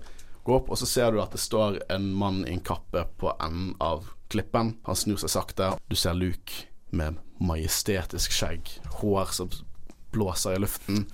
Og hun med på en måte triste øyne drar opp lightsaberen og holder lightsaberen mot Luke. The End. Star Wars episode 7. The Force Awakens. Bokstavelig talt en cliffhanger. Ingen Star Wars-film har blitt avsluttet så brått som denne. Ja, en cliffhanger. Altså, egentlig så var det jo Ryan Johnson ba J.D. Adams endre på dette her. For originalt så ville J.D. Adams at uh, han skulle sitte på den kliffen mens han mediterte og løftet steiner rundt seg. Mm. Ja, for det Men uh, han fikk beskjed om å endre det, for at hvis det hadde skjedd, så hadde jo Ryan Johnson måttet skrive om hele sitt manus igjen. Ja. det, det er jo et godt argument, for folk kritiserer jo litt at filmene på en måte ikke har en At de på en måte planlagt etter hvem regissør som kommer inn. Men det er jo mer Det er jo virker som det er mer planlegging bak det. der At de har en dialog med hverandre hvordan de fører filmen, sånn at neste på en måte kan eh, smooth ta over. Om du synes at eh, Last Jedi smooth tar over, det er jo en annen ting, men det er jo en dialog der uansett. Ja, på en måte, men jeg synes det bør være en tråd. Altså Selv om det kommer inn en ny regissør, så bør de på en måte være enige med hvordan trilogien skal utforme seg totalt. Mm. Men eh, Og det er der jeg føler at Ryan Johnson, The Last Jedi, feiler på mange måter. God tease til neste episode. Neste episode er jo solo, og så The Last Jedi. Men vi eh, Det blir Last Jedi-episoden kommer til å bli juicy. Men det var eh, Star Wars episode 7, The Force Awakens. Og hva synes dere om The Force Awakens? Jeg syns, eh, som jeg sa i første del av denne filmen, at det er en fin introduksjon til en ny generasjon av Star Wars-fans, selv om det på en måte reflekterer uh, A New Hope, originaltrilogien. Jeg liker han. Jeg syns han er gøy. Han uh, har veldig mye flotte humorinnspill, uh, og jeg liker de nye karakterene veldig godt. Jeg er helt enig. Ja, eh, det er eh, for så vidt jeg òg. det er på ingen måte favoritt-Star Wars-filmen min, men eh, det er en veldig god og solid film. Og jeg har heller ingenting imot at den er ganske lik New Hope, fordi jeg klarer Jeg føler at den klarer å stå perfekt på sine egne bein allikevel. Det syns jeg også. Og min uh, ting å kaste inn her er jo det at ja, storypointen er veldig nærme det all, fra originalfilmene. Den er trygg. Eh, men på en måte måtte han være trygg. Eh, prequels hadde jo ikke så mye kjærlighet på den tiden som det har fått nå, og ganske hatet. Så Disney eh, og JJ Abrams måtte vise at de taklet å lage en Star Wars-film som føltes som Star Wars, og jeg føler at de klarte det med The Force Awakens. Og jeg, greit nok at plot points og at det er en trygg film og sånn, men denne filmen briljerer med karakterene, syns jeg. De bygger drama rundt Luke er forsvunnet, at Empire er tilbake i uniform, men Ray og Kylo er i min mening langt mer interessante karakterer enn Luke og Vader var i New Hope. Bare i New Hope.